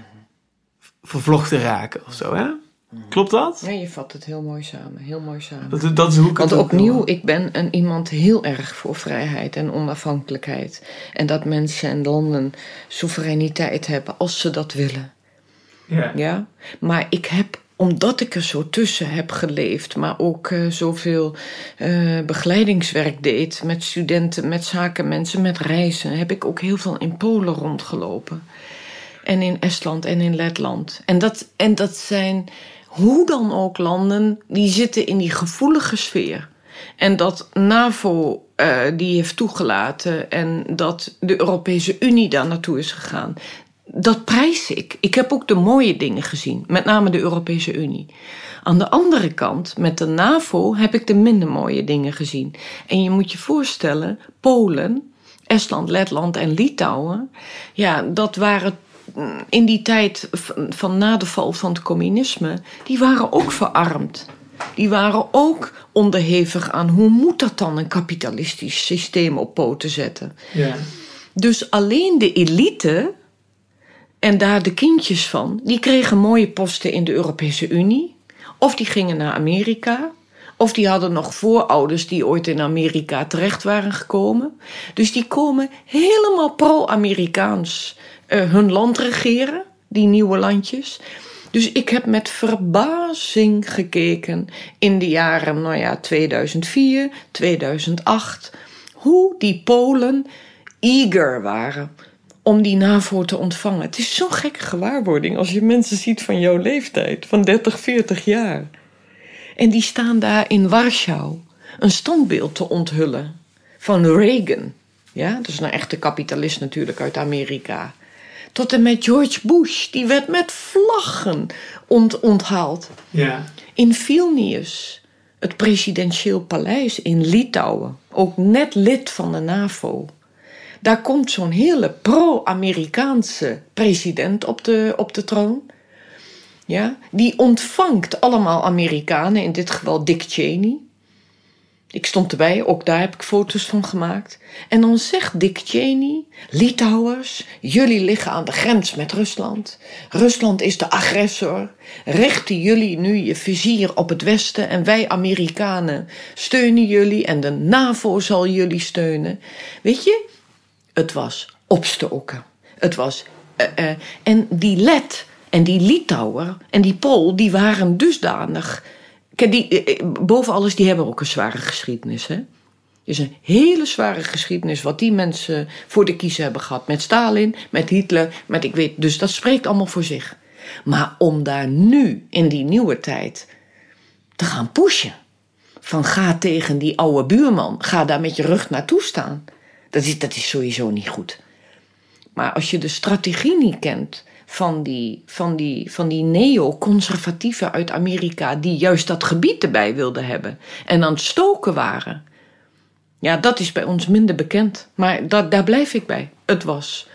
Het is buitenproportioneel wat daar aan, aan gestoken is. En het doorduwen van de NAVO. En als een bevolking arm is, toen nog, en een bevolking is gefrustreerd. En de bevolking heeft de elite in Amerika of in Brussel zitten. En die elite weet heel goed dat als je in Brussel zegt van oh die arme Letten en die Polen, ja die hebben ook zo geleden onder Stalin, ja. Zij weten op hun manier precies hoe ze ons moeten, uh, hoe ze ons moeten raken en onze fijngevoelige snaar moeten. moeten uh. Maar als je nou met bruggenbouwen bezig bent en Europa bij elkaar krijgen met een re. Kijk, het hoeft geen goede verhouding met Rusland te zijn. Maar in ieder geval een redelijke verhouding. Om niet, niet weer een, een, of niet een derde wereldoorlog te gaan krijgen. Maar we hebben uh, veel te weinig van de geschiedenis geweten. We hebben veel te veel onze arrogantie van de macht. En onze democratie en onze mensenrechtenstelsel. Dat ging boven alles. Maar we hebben veel te weinig aandacht gehad voor als een land uh, structuur nodig heeft. Veiligheid, stabiliteit enzovoort. Dat soort dingen. En daarbij ook bewust aan ophitserij gedaan. En ook de hoofdvraag, ben ik, ben ik onderhand van overtuigd? Twee jaar geleden zei ik, Michiel, gaat er bij mij niet in. Ik blijf, ik blijf in het midden zitten. Ik ben te democratisch en te vrijzinnig en te Nederlands of te Westers. Dat ik mij niet laat uh, gek maken door uh, ook die kant van het verhaal. Maar ik ben onderhand ook na studiewerk wel zover en mijn eigen ervaringen. De hoofdreden is gewoon helaas dat dat Amerikaanse land waar ooit democratie en mensenrechten en vrijheid zo'n belangrijk punt was. Prachtig. Maar dat land is doorgeschoten en in hun kuren van het nog de wereld willen regeren. De hoofdreden is dat Amerika niet wil dat Europa een goede verhouding of redelijke verhouding met Rusland krijgt. Want daarmee verliezen ze het hele Euro-Aziatische continent. Snap je? En in de 21ste eeuw is het heel belangrijk. We weten dat China opkomt. We weten dat er een nieuwe zijdenroute ja. is. En we weten dat Europa ook verbonden is met Europa. Je zei het net zelf, met Rusland, met cultuur. Dus nu, nu, nu speelt weer die, die, uh, die impuls op bij mij, die ik ook aan het begin zei. Van, uh, van mijn kritische, ik moet mijn kritische distantie blijven behouden. Um, en um, dus als ik, als ik um, er is natuurlijk ook iets wat je wel ziet wat de Amerikanen proberen, wat natuurlijk wel waar je je ook in kan verplaatsen, hè? Door niet, zodat je niet ook daar in het cliché trapt. Hè? Mhm. En dat is volgens mij dat, ja, wat, wat, uh, inderdaad, die, wat tegenover die idealen van vrijheid en democratie staat dat die angst voor dat verspreiden van die communistische geest. En je ziet ook dat al die communistische landen door een hele zware fase heen gaan of zo. Of in ieder geval, dat is de perceptie. Dus dat is eigenlijk volgens mij het ideaal. En het klopt dat die neoconservatieve uh, regering Bush heel veel heeft veranderd nadat ze frontaal zijn aangevallen in 9-11. Ik denk dat 9-11 ook een enorme deuk in het zelfbeeld heeft veroorzaakt. En dat heeft ook heel veel chaos in zichzelf veroorzaakt, denk ik. Dat zou je ook weer helemaal kunnen duiden waar dat vandaan komt. Ik, dat heeft natuurlijk ook weer, dat kun je weer helemaal herleiden tot Midden-Oosten-politiek van 100. Ja, dan kun je 100, 200 jaar teruggaan. Hoe de Engelsen en de Fransen daar zaten. En hoe die daar de, met een liniaal de, de landgrenzen hebben getekend. Hè. Dus dat is eigenlijk ook een Europees probleem. Maar ja, voordat we dan onnodig ingewikkeld maken. Um, ik denk dat. Ik, ik kan me ook wel verplaatsen in Amerikanen die dus dat met dat idee de goede, ook goede bedoelingen hebben. Zo van, oké, volgens mij moeten we ervoor zorgen dat de landen niet turnen naar communisme. Dan kun je uh, bij wijze van spreken Solzhenitsyn pakken en de Gulag-archipel en dan zeggen van, nou kijk, dit gebeurt er met alle dissidentengeluiden. Die worden weggestopt in Siberië en die moeten in de vrieskou stenen hakken totdat ze dood neervallen. Mm. En... Uh, en, en ja, dan, ja, dan ga je zeggen van oké, dat, dat, dat, is, dat, is, dat is een angstbeeld. Hè? Dat moeten we niet hebben. We moeten zorgen dat er open democratieën zijn. Die, dus we moeten, dat, we moeten dat verhaal gaan vertellen. Hè? Dat is natuurlijk het ideaal. Dat is mm. natuurlijk een hele... Met Bush hebben we een hele cynische variant gezien daarvan. Maar, mm. maar in het beginsel snap ik dat verlangen in alle naïviteit. Mm-hmm. Snap je? Dat zijn gewoon de twee ideologische verhalen die tegenover elkaar staan. Die in, mm. in botsing komen. Ja waar de werkelijkheid doorheen meandert. Ja. snap je? En nogmaals, ik, ik, ben die beginselen en die hele Washington en Jefferson en die hele vrijheidsstrijd en Amerika waar mensen kunnen opklimmen. Oh, wat ben ik dat gedachtegoed uh, van oorsprong goed gezind, omdat ik zelf zo'n vrijheidsdier ben en dat heel erg mooi vind dat mensen kansen hebben. Maar één is, uh, Rusland is op geen enkele manier communistisch en wil terug in die tijd en genieten zo van die uh, vrijheid. Ook al noemen wij dat geen vrijheid, het is voor het eerst dat daar middenklasse groeit. En het is, uh, ja, het is ook nog steeds uh, zeer pro-Europa, ook al zijn ze wat teleurgesteld uh, dat Europa toch uh, niet tot conclusies komt. en toch uiteindelijk ook de, aan de pro-Amerikaanse kant, in dit geval de NAVO, zit. Ja, dus je, bedoelt eigenlijk, je bedoelt eigenlijk van, we moeten ons bewust zijn van die inmenging. Ja. Die eigenlijk, dus, er, zit, die, er zit de hele tijd die touwen... Ja van Amerika hangen erboven. Terwijl we gewoon ergens buren zijn. Europa, Rusland, ja. Oekraïne er nog tussen. Dat zou eigenlijk uh, naar elkaar toe kunnen bewegen. En we zitten nu met die touwen. Dat is eigenlijk... Ja, dat zie je goed. Het is de, de, de gemiste kansen. Ik bedoel, ik weet dat dat altijd in de geschiedenis is. Het heeft geen zin om terug te kijken. Maar ik blijf erbij. Dat land omarmt ons. Dat land hoort bij ons. Dat land had zes jaar, vijf jaar geleden niet aan mij gezegd. Ik zit in een grote vrouwenpartij in Moskou, waar allerlei gebekte vrouwen bij zitten, lieve vrouwen, nou ja, allemaal verschillende vrouwen. Maar over het algemeen echt, uh, nou, oppositiedames, zeg maar. Maar zelfs die dames, die kijken me soms met een paar van die ogen aan van, hoe is het in vredesnaam mogelijk? Ja, we zijn met elkaar verbonden. Hoe kunnen jullie ons zo alleen maar als schuldig zien van, noem alles maar op, dopingschandalen, expansiegericht. Ja. Weet je, en het punt is dat die dames waar ik dan, ik zit dan zelf uh, redelijk verbonden in de oppositie, uh, maar om, uh, het gekke is wat er met Rusland gebeurt dat ook al zijn mensen ontevreden in eigen land. Kijk, Rusland klaagt en Nederlanden klaagt. Hè? Mhm. En ook al gaat het in Rusland voor het eerst eh, in de geschiedenis redelijk uh, uh, goed. Uiteraard hebben zij coronalast en inflatie nu en die sancties en bla bla. Maar het is echt voor het eerst 15 jaar dat mensen daar een beter leven hebben. Maar dan nog, al ben je in de oppositie en al zit je met mensen van die. Ehm, ja, die dat toch uh, niet prettig vinden, die autoritaire macht. Maar als je even naar Napoleon kijkt. Napoleon die kwam met zo'n 1 miljoen mensen uit Nederland, uh, uit het westen aanmarcheren. En die was dus zo van overtuigd dat hij Rusland kon over, ver, over, of veroveren. Hij dacht, die Russen gaan mij vast allemaal omarmen. Want die zijn arm, al die lijfeigenen. En die willen wel die verlichtingsideeën van Europa. Nou, Napoleon was diep geschrokken dat zelfs die arme lijfeigen...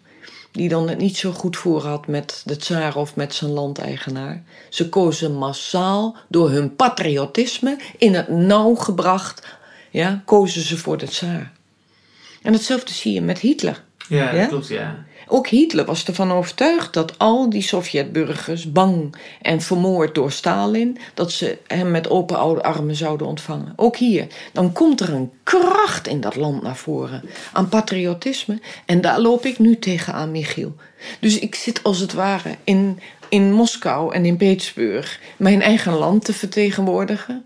Van Nederland, hè, uh, jullie moeten Nederland ook begrijpen. En jullie moeten Nederland ook in emoties, uh, bla bla bla. Of, of zelfs voor Amerika neem ik het op, uh, om dan een beetje een reactie te hebben. Dan is het heel gek dat bij, bij mijn dames, mijn fanatieke dames, en er zitten echt, echt gebekte bij hoor. Maar dat je die hoort zeggen, ja, zolang jullie alleen maar kritiek op ons hebben en zonder feiten ons beschuldigen van alles. Tot en met jullie beloftes die jullie schenden en, uh, enzovoort. Uh, uh, ja, zeggen wij toch van tot hier Europa en niet verder. En dat is heel gek. Daar had veel meer samenwerking. En Rusland had al veel verder kunnen zijn met democratie en met minder autoritaire macht. Maar wij zijn ook schuldig dat we dat land in het nauw hebben gedreven. Ja, dus het, is eigenlijk, het zit eigenlijk in die afwijzing van die uitgestrekte hand. Ja. Waarom, dus als wij zeggen van uh, ja, die Poetin dat is een autoritaire leider, ja. dan, dan, dan kijken we eigenlijk in de spiegel, want we hebben die hand niet aangenomen. Terwijl dat, daar lag een kans om. om en nu moet, moeten ze iets na al die jaren communisme en in één keer een vrije val in dat Wild Wild West van de van het uh, postcommunistische Rusland gestort te worden met die oligarchen, moeten ze natuurlijk iets. En dan staat er één, één iemand op en die, dat wordt dan gezien als een autoritair leider. Dat is niemand anders dan iemand die gewoon zegt van laten we de basics in orde brengen. En nu is er eigenlijk een reactie van, vanuit het volk die eigenlijk zegt van nou ja, de bal ligt bij jullie. Ja. En tot na de orde zijn wij sceptisch en hebben we even de handen over elkaar. Want ja, ja dat is eigenlijk hoe ik het nu hoor. Ja, ja joh. En we hebben denk, nu, nu hebben we denk ik wel genoeg kaarten op tafel liggen om bij de beginvraag uit te komen. en misschien kunnen we daarmee eindigen in ons gesprek. Van hoe, hoe, hoe moeten we nou kijken naar het nu? Nou, de, gewoon de actualiteit. Uh, met alles wat we gezegd hebben is dat misschien nog een leuke vraag. Van de situatie in Oekraïne, bij de grens. En uh, Joe Biden die zich daarover uitspreekt. En Oekraïne die zich kapot schrikt. En, en Europa die dan dat, daarover gaat schrijven. Jij die benadert wat de talkshows van kom vertellen. En hoe jij dan eigenlijk daar weer uh, tegen muren oploopt. Misschien kunnen we daar, daar nog even bij stilstaan. Ik, ik weet niet zo goed waar ik moet beginnen. Maar, maar hoe, hoe kijk je naar dit alles? Hoe kijk je naar het nu? Ja. Na alles wat we op tafel hebben gelegd vandaag. Ja, nee, stof, eh, Michiel. Alleen je raakt het meest onderwerp op het moeilijke op het einde van de avond aan. ja, maar dat doe ik expres, omdat ik denk van, van we kunnen dat natuurlijk alleen aanraken als we uh, bovenop al die andere verhalen kunnen stapelen. Want alleen dan krijgen we dat, dat meer genuanceerde, eigenlijk dat diffuse, ambiguë, meerduidige wat de waarheid ook altijd een beetje heeft, weet je wel. Dan krijgen we die complexiteit een beetje in, in kaart. Ja. Dus daarom het liefst aan het einde natuurlijk, hè. Ja, ja, dat is goed. En jou nu een moeilijke taak om alles bij elkaar heen te jongleren. Maar ik ben heel benieuwd naar, naar, naar je antwoord. Dus hoe, hoe kijk jij naar die situatie die nu lijkt te escaleren? Ja, ik ben het dus zelf ook aan het verwerken. Zie ook even wat er nu gebeurt. Ook wat, wat, hoe, hoe dat in de media gaat of in de politiek. Ik weet het onderhand niet meer. Een maand geleden ging het erom dat diezelfde Russen na 30 jaar zeggen: uh, Ja, die NAVO-uitbreiding, het is nu genoeg geweest. Jullie hebben uh, ja, toch de belofte geschonden en, en jullie gaan maar door met uitbreiden. En wij zien dat wel als een bedreiging, terwijl wij het anders hadden voorgesteld, juist met die goede band met Europa, waar wij bij horen. Dus je weet nog een paar weken geleden, dan wordt dat uh, op het nieuws vermeld. Poetin zegt halt. Hij wil op papier dat de NAVO zich niet verder uitbreidt. Dus dat is waar het nu over gaat. Maar dat onderwerp is al helemaal niet meer uit de media. In de media. Zie je hoe het ook verdraaid wordt? Het feit is, Rusland wil heel graag op papier een garantie dat ze niet dichter bij de grenzen komen. En wij maken ervan, met name de westerse media en de Amerikaanse media, van Rusland wil binnenvallen. En dat papier dat, van die NAVO-ondertekening, dat, dat, dat zie je nog nauwelijks. Dus dat is ook het kromme. Er wordt ons angst aangezaaid, aangebra uh, aangebracht dat Rusland nu Oekraïne gaat binnenvallen. Ja. Ja? En één, het is nergens op gebaseerd. Twee, het is angst zaaien. Het is de aandacht afleiden. Maar de echte ding was het papier waarop wenselijk zou zijn. Eh, van we moeten de dialoog aan, we moeten dus, we willen graag op papier na vijf uitbreidingen staan jullie aan onze grens. En wij vragen alleen Oekraïne geen lid. En daar wordt niet meer over gesproken. Maar de aandacht wordt, wordt dus verlegd naar invasie. Invasie. Een derde wereldoorlog zou er aankomen. Generaals bij de NAVO die oorlogstaal uitspreken. Wij zijn klaar voor de derde wereldoorlog. Ja, het is buitenproportioneel, Michiel, hoe de, hoe de propagandamachine draait. Het is buiten en daar maak ik me dus ook echt zorgen over.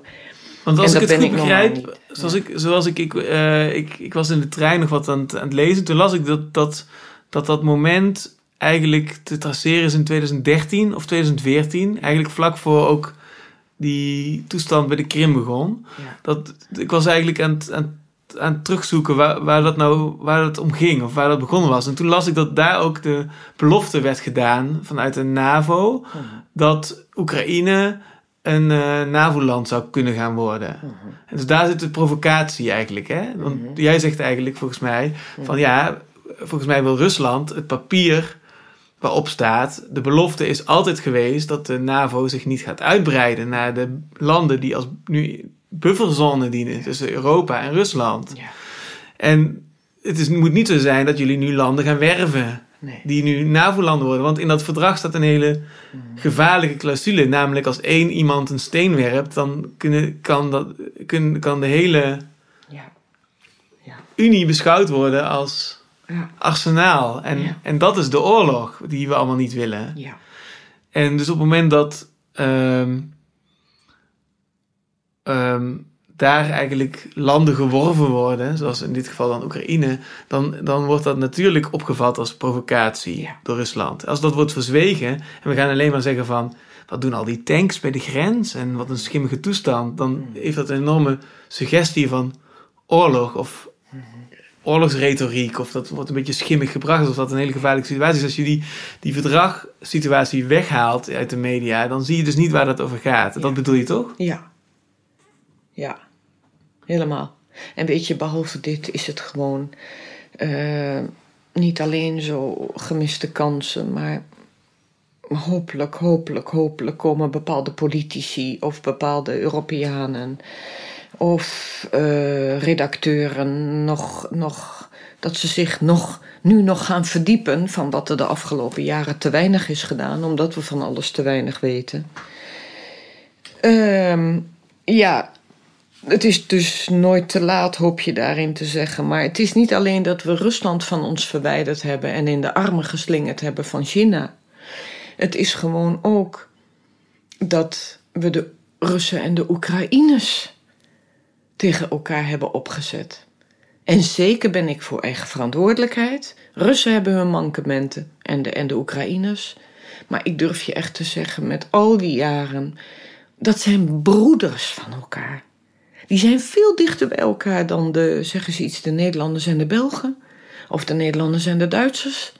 Dat zijn broederlanden. En die zijn al duizend jaar verbonden. En ik snap dat de westkant van Oekraïne is ook lange tijd bezet geweest door Polen, een tijdje bezet geweest door het Weense Rijk. Dus daar zijn ze ja, iets meer gefocust op het Westen en daar hebben ze iets meer die ambitie en ook de drive erachter gehad. Wij willen niks meer met Rusland te maken hebben. Maar het grotendeel, weet je, je bent in de schoolbanken opgegroeid of in de wieg. Je spreekt allemaal Russisch. Ja?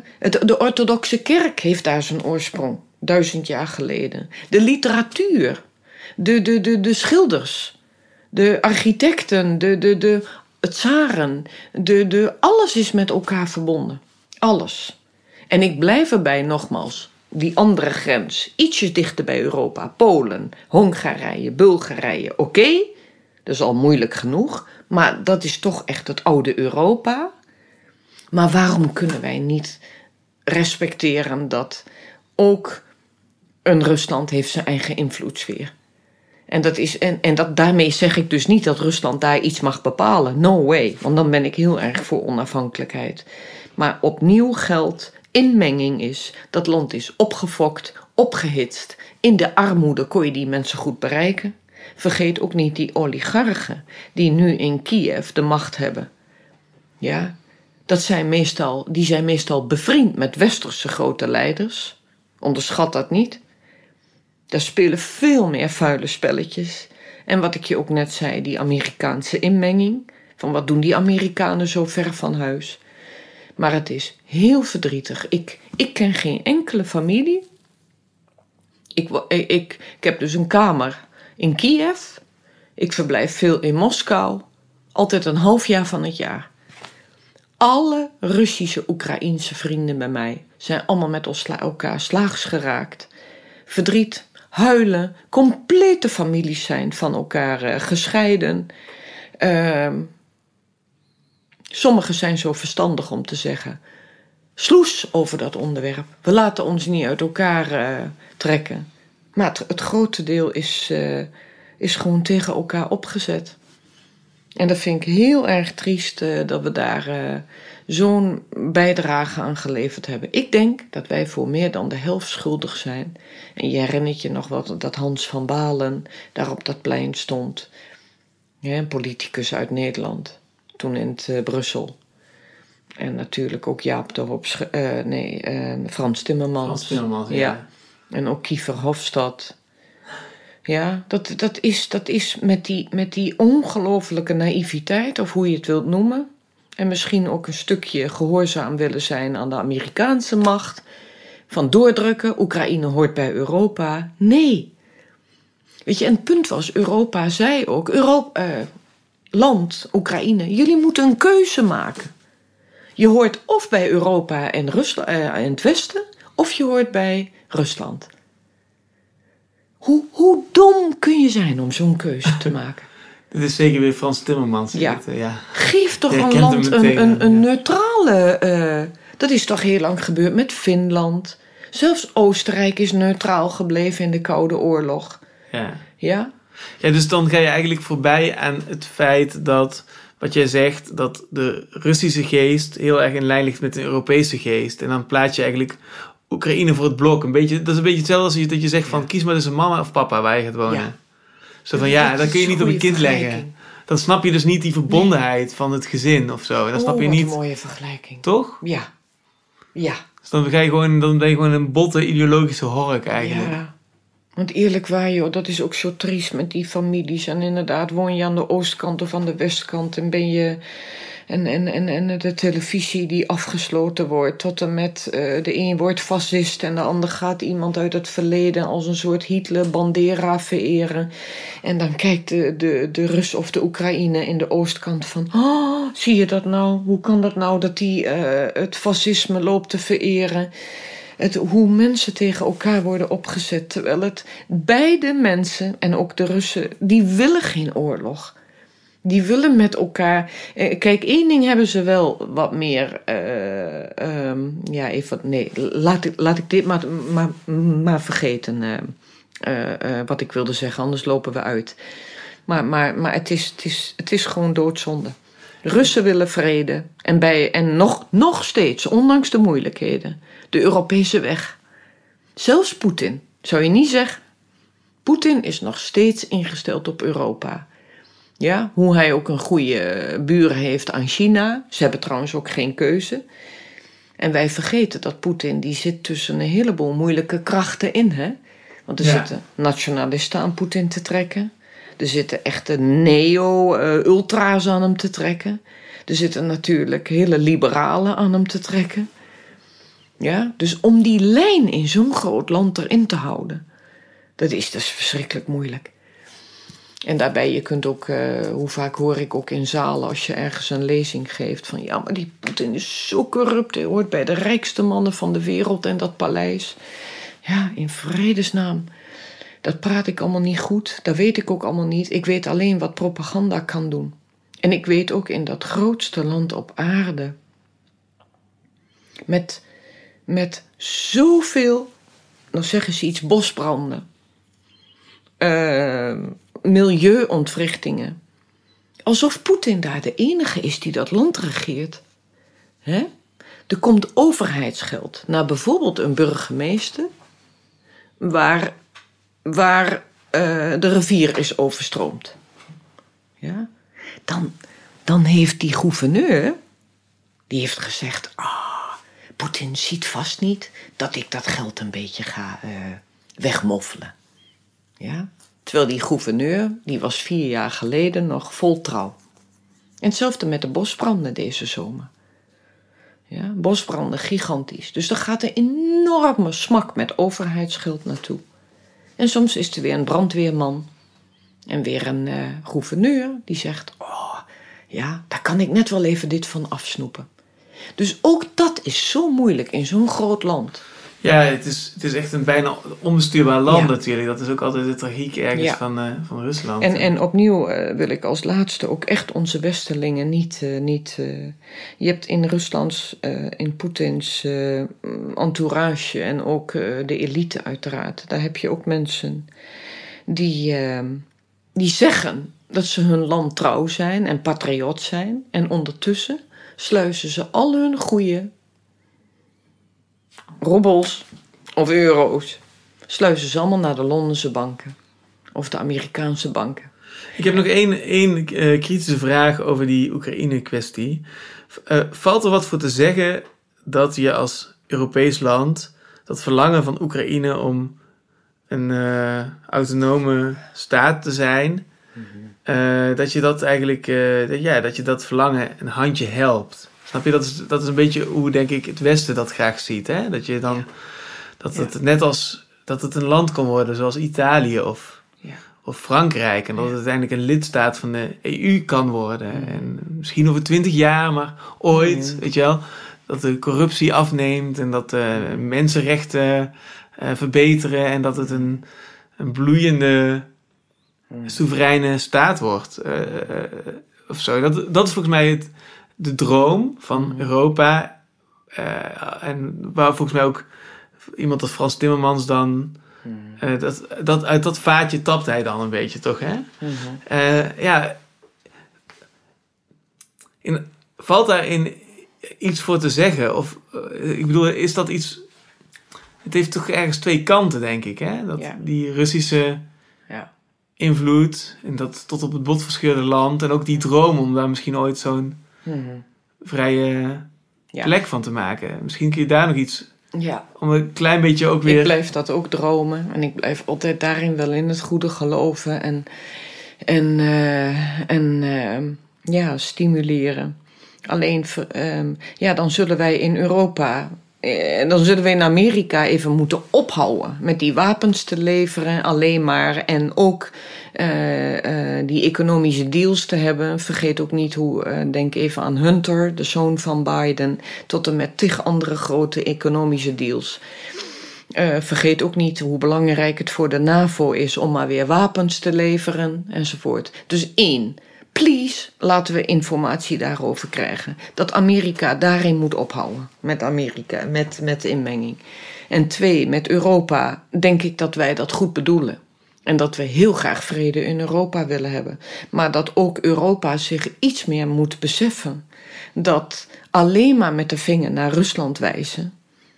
Ja, dat dat, dat, dat Oekraïne niet verder helpt. Want daar leven zoveel Russische mensen in Oekraïne. En nogmaals, zoveel mensen die met elkaar samen hebben geleefd, die we nu tegen elkaar hebben opgezet. En dat hoeft niet. Dat moet weer even uh, uh, hopelijk uh, tien jaar, twintig jaar overheen gaan. Dat de grootste pijn een stuk weg is. Maar die mensen, ik wil niet zeggen dat ze bij elkaar horen.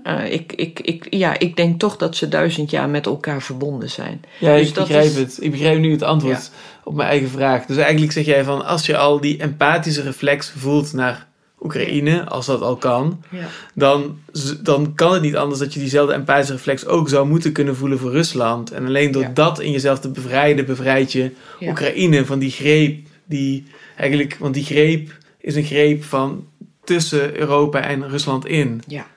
Toch? En dan verder heeft dat land het grote probleem, Michiel. En dat hebben andere landen wat minder. Kijk, Wit-Rusland, wat je deze zomer hebt meegemaakt, dat is ook lastig met oppositie, met hoe moet je dat zien. Maar dat is een verschil. Wit-Rusland is grotendeels homogene bevolking. Dus grotendeels wonen daar Wit-Russen, Belarus. In Litouwen hetzelfde verhaal. Daar heb je ook een, homo, grotendeels homogene bevolking. Polen ook, zijn Polen. Zijn af en toe al wat Duitsers of een mix van Letten en Litouwers en bla bla bla. Maar het, en Russen ook. Dus ook grotendeels Russische bevolking, ook gemengd. Maar het Oekraïne-verhaal, dat is echt het probleem. Daar wonen zoveel verschillende volkeren. En Polen, en Hongaren, en Roemenen, en Transylvaniërs, en Turken, en Krimtataren, en Russen, en Letten, en Litouwers, en Joden. En het is. En die, dat is al moeilijk om een land in frustratie te leiden met zoveel uh, verschillende etniciteiten. Plus dan ook nog dat, dat, enorme verschil tussen arm en rijk. En dan dat verschil tussen dat getrek aan, die, aan dat land. Dus ik voorlopig ben ik pessimist. Hoe naar ook ik het vind om te zeggen. Van dat land is te verbrokkeld. En heeft geen leiding. En de oligarchen die de macht hebben. Dus ik denk dat we in Europa de verzoenende rol moeten spelen. En om juist Oekraïne niet verder op te zetten tegen Rusland. Hoe Rusland ook een vervelend land kan zijn en zijn eigen machtspositie heeft en zijn eigen uh, sneaky gedrag heeft of met cyber. En dat snap ik allemaal, want we hebben het nog niet eens over de Krim gehad en misschien ooit een volgende keer.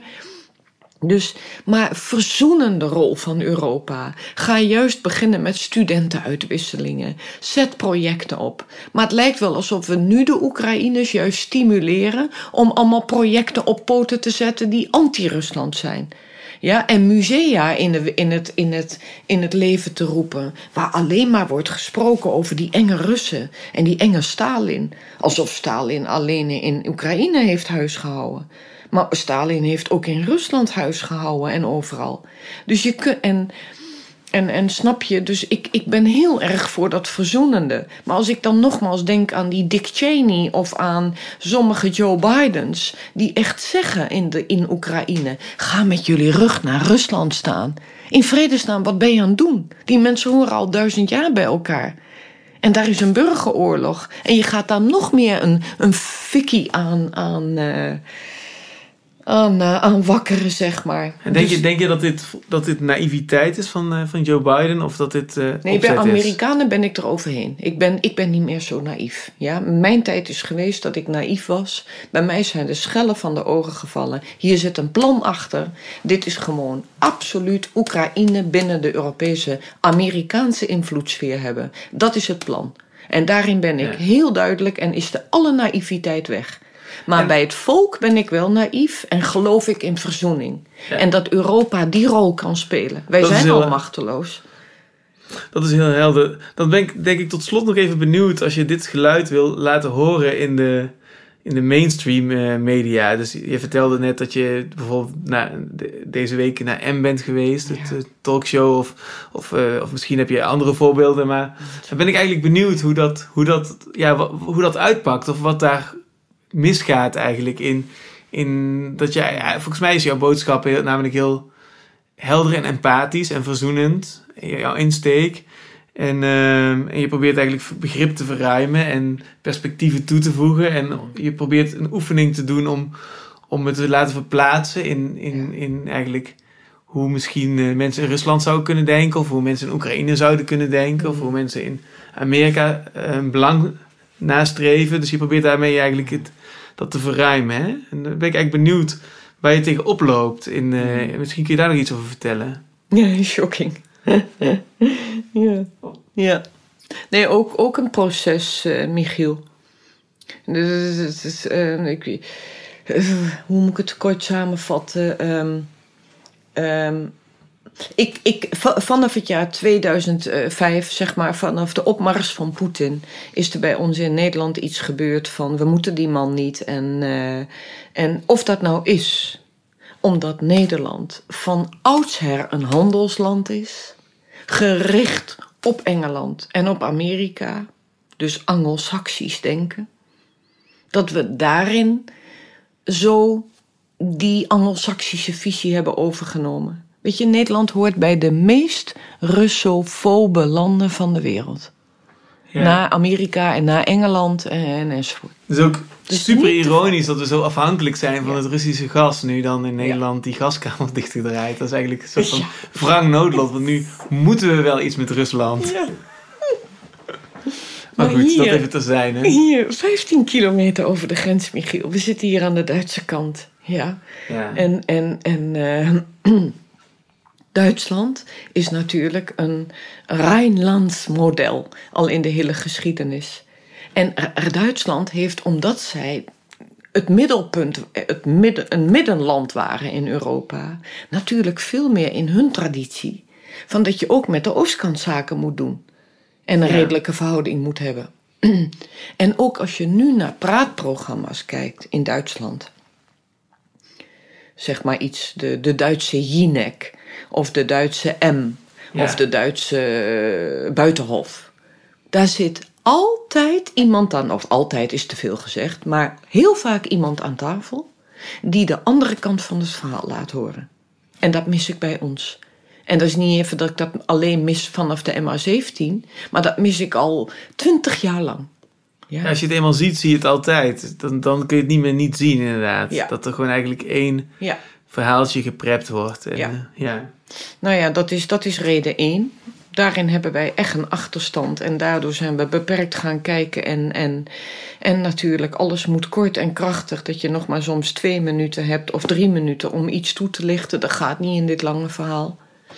En verder, wat ik je ook al zei, ik denk gewoon dat, dat ook in de media, maar ook eh, in de politiek, het is in de mode om te scoren, voor mijn gevoel.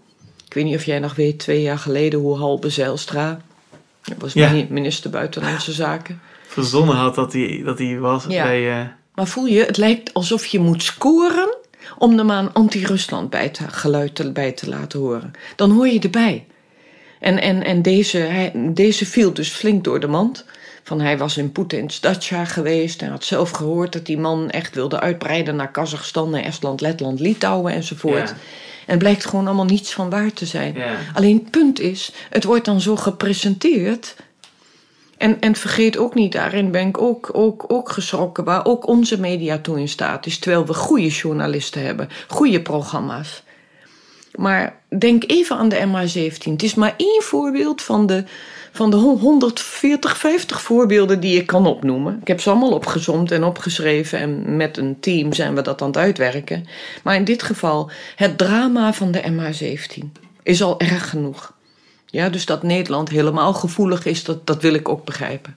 Maar op het moment dat dat vliegtuig neer is gestort, ja, gelijk werd de vinger gewezen in richting uit, terwijl er nog in wezen geen bewijsmateriaal is.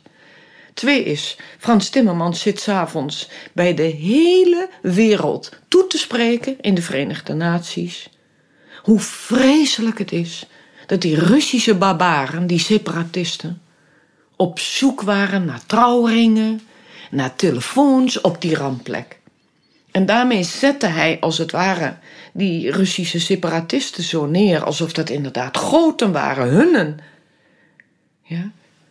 Ja. En de volgende dag krijg je ook op je social media, tot en met kranten, krijg je te zien op de voorpagina's.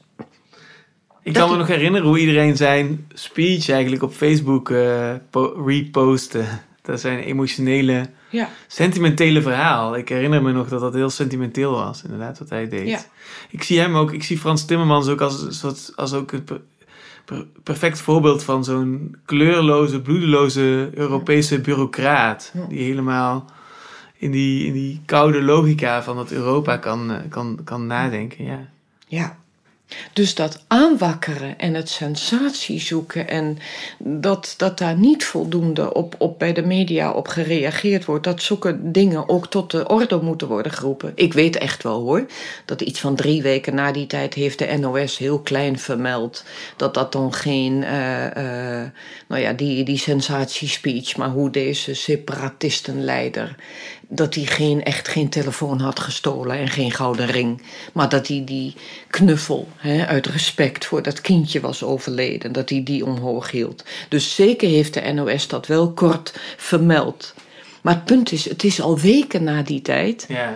Ja, en ik vind dat de media daarop in moet springen. En zo heb ik voorbeelden van de dopingschandalen. ik snap het, en zo heb ik voorbeelden de, tig van, van, van Poetin met expansie en KGB. En tot en met checken, hacken. Tot en met Russia-Gate.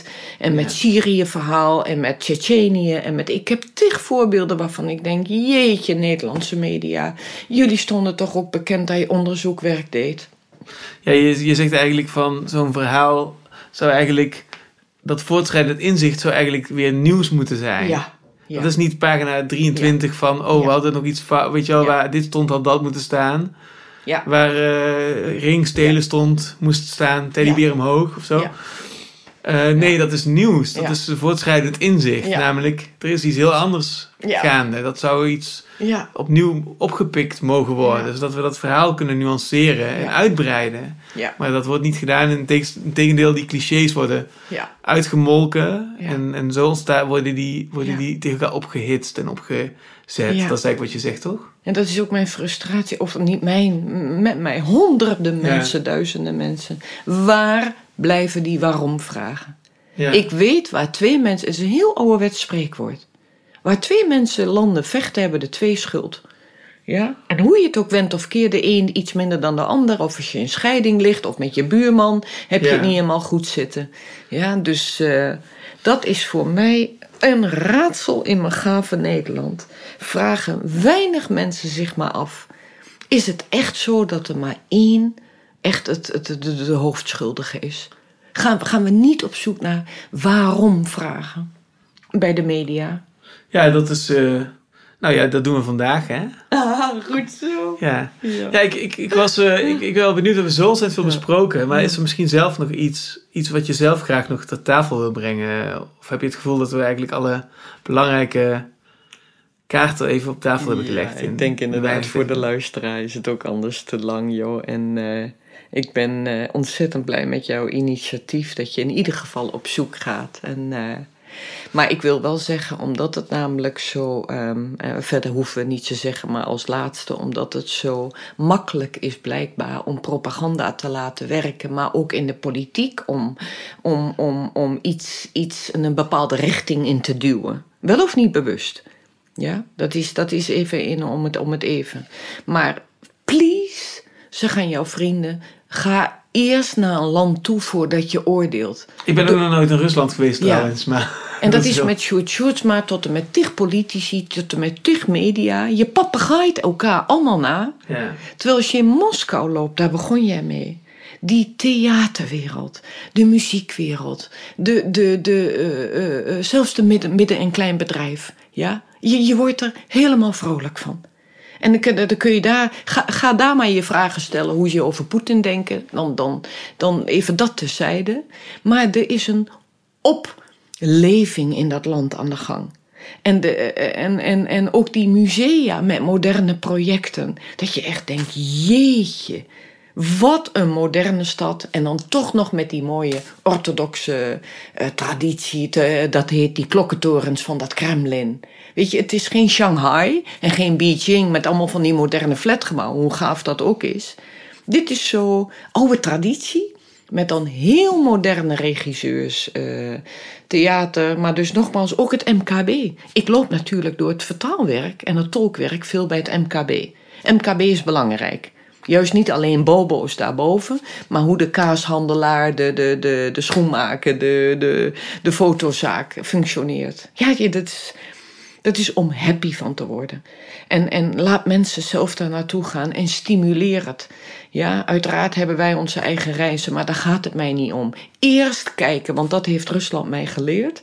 Ik ga nooit meer een oordeel over een land uitspreken. Geen Noord-Korea, geen, geen, geen Timbuktu, geen uh, Iran. Als ik er niet zelf ben geweest, of ik heb er geen kaas van gegeten, of ik heb er niet gewoond. Zo shocking vind ik dit, hoe je mensen tegen elkaar kunt opzetten. En het, zijn, het kunnen onze beste vrienden zijn. En we kunnen de allermooiste 21ste eeuw ingaan. En moet je eens kijken, die Russen die hunkeren naar ons ook met klimaatsamenwerking. Er zijn zoveel studenten die uit Wageningen zouden willen gaan. Met klimaat. Op die noordelijke IJszee windmolenparken aanleggen, kibbutzverenigingen. Joh, daar is, daar is, dat is daar helemaal in de mode. Dat jij als zakenman in, uh, of je jonge manager in Moskou, Petersburg, dat je nu naar Siberië gaat om je eigen stukje land te gaan ontginnen. Maar met families. Ja, kleine, kleine coöperatieve samenwerkingen. Maar bezig zijn met de natuur. Bomen hakken. Zelfvoorzienend zijn. Dus beautiful wat, wat daar gaande is. Daar word je echt blij van. Dus ik hoop voor jou en je vriendin en je heerlijke kleine kereltje Julius dat je ooit eens mij komt opzoeken in Siberië bij de hele hippe, hippe scene van uh, Moskou, maar dan met zelfvoorzienende wereld. Prachtig. Ja, ja een van de, een van de mooiste documentaires die ik heb gezien in de lockdown was van Werner Herzog, die eigenlijk naar midden Siberië gaat en daar die houthakkers gaat bestuderen, die dan heel erg gelukkig zijn in hoe zij daar voor zichzelf zelfvoorzienend leven leiden. Dat is prachtig. Ik had altijd het idee dat het ijzig koud is in Siberië en ik altijd van oeh, ik moet er niet aan denken dat ik daar zou moeten overleven. En dan zie je die zielsgelukkige houthakkers en dan, uh, ja, dus dat is een mooi beeld om, om mee te eindigen. Ja, je sprak in de, in, de, in de aanloop naar onze ontmoeting de zorg uit van het is zo'n groot onderwerp. Hoe brengen we daar in godsnaam structuur in aan? Heb je het gevoel dat we het toch een beetje bij elkaar hebben kunnen brengen vandaag? Of heb je het idee van wat een, wat een chaos is dit. Ik heb geen idee, Michiel. Omdat het even een heftige dag was. En, en inderdaad heftige dagen. Ook met dat oorlogsgedril en zo. Ik had het wat minder over die dingen willen hebben. Maar juist de ziel en waar we elkaar in kunnen vinden. Maar het speelt nou eenmaal. En dat maakt dat ik zelf even een beetje een brei in mijn hoofd heb. Van, uh, maar anders dan uh, laat jij deze podcast verdwijnen. En treffen we elkaar opnieuw wel eens. Maar als jij maar tevreden bent. En ja, ik ben heel tevreden heb het idee dat we in een soort wervelstorm eigenlijk alles even hebben aangeraakt. En dat vind ik heel mooi daaraan. Dus dat vond ik, uh, ja, ik, ik, ik, ik vind echt, ik, ik wil je heel erg bedanken uh, ja, voor dit gesprek. En, en als mensen geïnspireerd zijn geraakt. Nou, ik weet dus via de moeder van mijn vriendin dat je ook uh, prachtige verhalen vertelt tijdens reizen in Rusland. En dus, uh, dus voor mensen die denken van ik wil dat land op een hele andere nieuwe manier leren kennen. Uh, dan die mensen zou ik natuurlijk absoluut aanraden om in contact te treden en, en, en ja, op, op onderzoek uit te gaan. Dus ik hoop op die manier de verbinding een klein beetje te bespoedigen vandaag. Aardig van je, Michiel. Dat is fijn. Dat klopt. In het land zelf is het veel mooier en dan heb je het dichterbij. En dan zijn ook andere verhalen, à la Tchaikovsky tot en met de hedendaagse kunstenaars, die je eruit kunt tillen en naar die huizen toe kunt gaan. Ja, en kolgozes en platteland, uiteraard, en langs de Wolga. Dat is fijn dat je dat nog even aankaart. Maar goed, al gaan mensen op eigen gelegenheid, dat is heel fijn. Ik bedank jou heel erg voor jouw wereldkijk en dat je je verder bent gaan verdiepen in dit moeilijke onderwerp. Tot slot wil ik nog even direct richten tot de luisteraars. Ehm, ja, ik, ik zit hier op, op, op, op kantoor uh, de PR-tekst uh, in te spreken. Ik heb hem net laten horen aan Lara. En ja, ik ben er gewoon niet echt goed in, omdat ik gewoon niet zo'n commercieel inzicht heb. En Lara zegt van, doe het gewoon zo. En dan zeg ik, ja, maar dat kan ik niet op die manier. En dan krijgen we daar een gesprek over. En nu heb ik in één keer de briljante ingeving om gewoon de microfoon aan Lara te geven. Die het veel beter dan ik kan verwoorden. Dus Lara, wil je me even helpen met de PR-tekst? Ja. Um, dit is een tekst vooral voor de nieuwe luisteraars van de Boze Geesten podcast. Want Michiel die voelt zich bezwaard voor de mensen die al vaker zijn PR-tekst hebben geluisterd. Uh, maar die begrijpen het ook heus wel. En het zit ook aan het einde van de episode, dus zo erg is het nou ook weer niet. Um, je kan donateur worden van de Boze Geesten podcast. Voor een klein bedrag per maand uh, help je Michiel heel erg. En uh, hou je de motivatie hoog. En, uh, en help je ook weer indirect ons zoontje Julius, die uiteindelijk ook moet gaan studeren en op voetbal moet en zo. Dus graag. Het kan via de links in de bio bij Spotify en bij YouTube. Petje af en Patreon.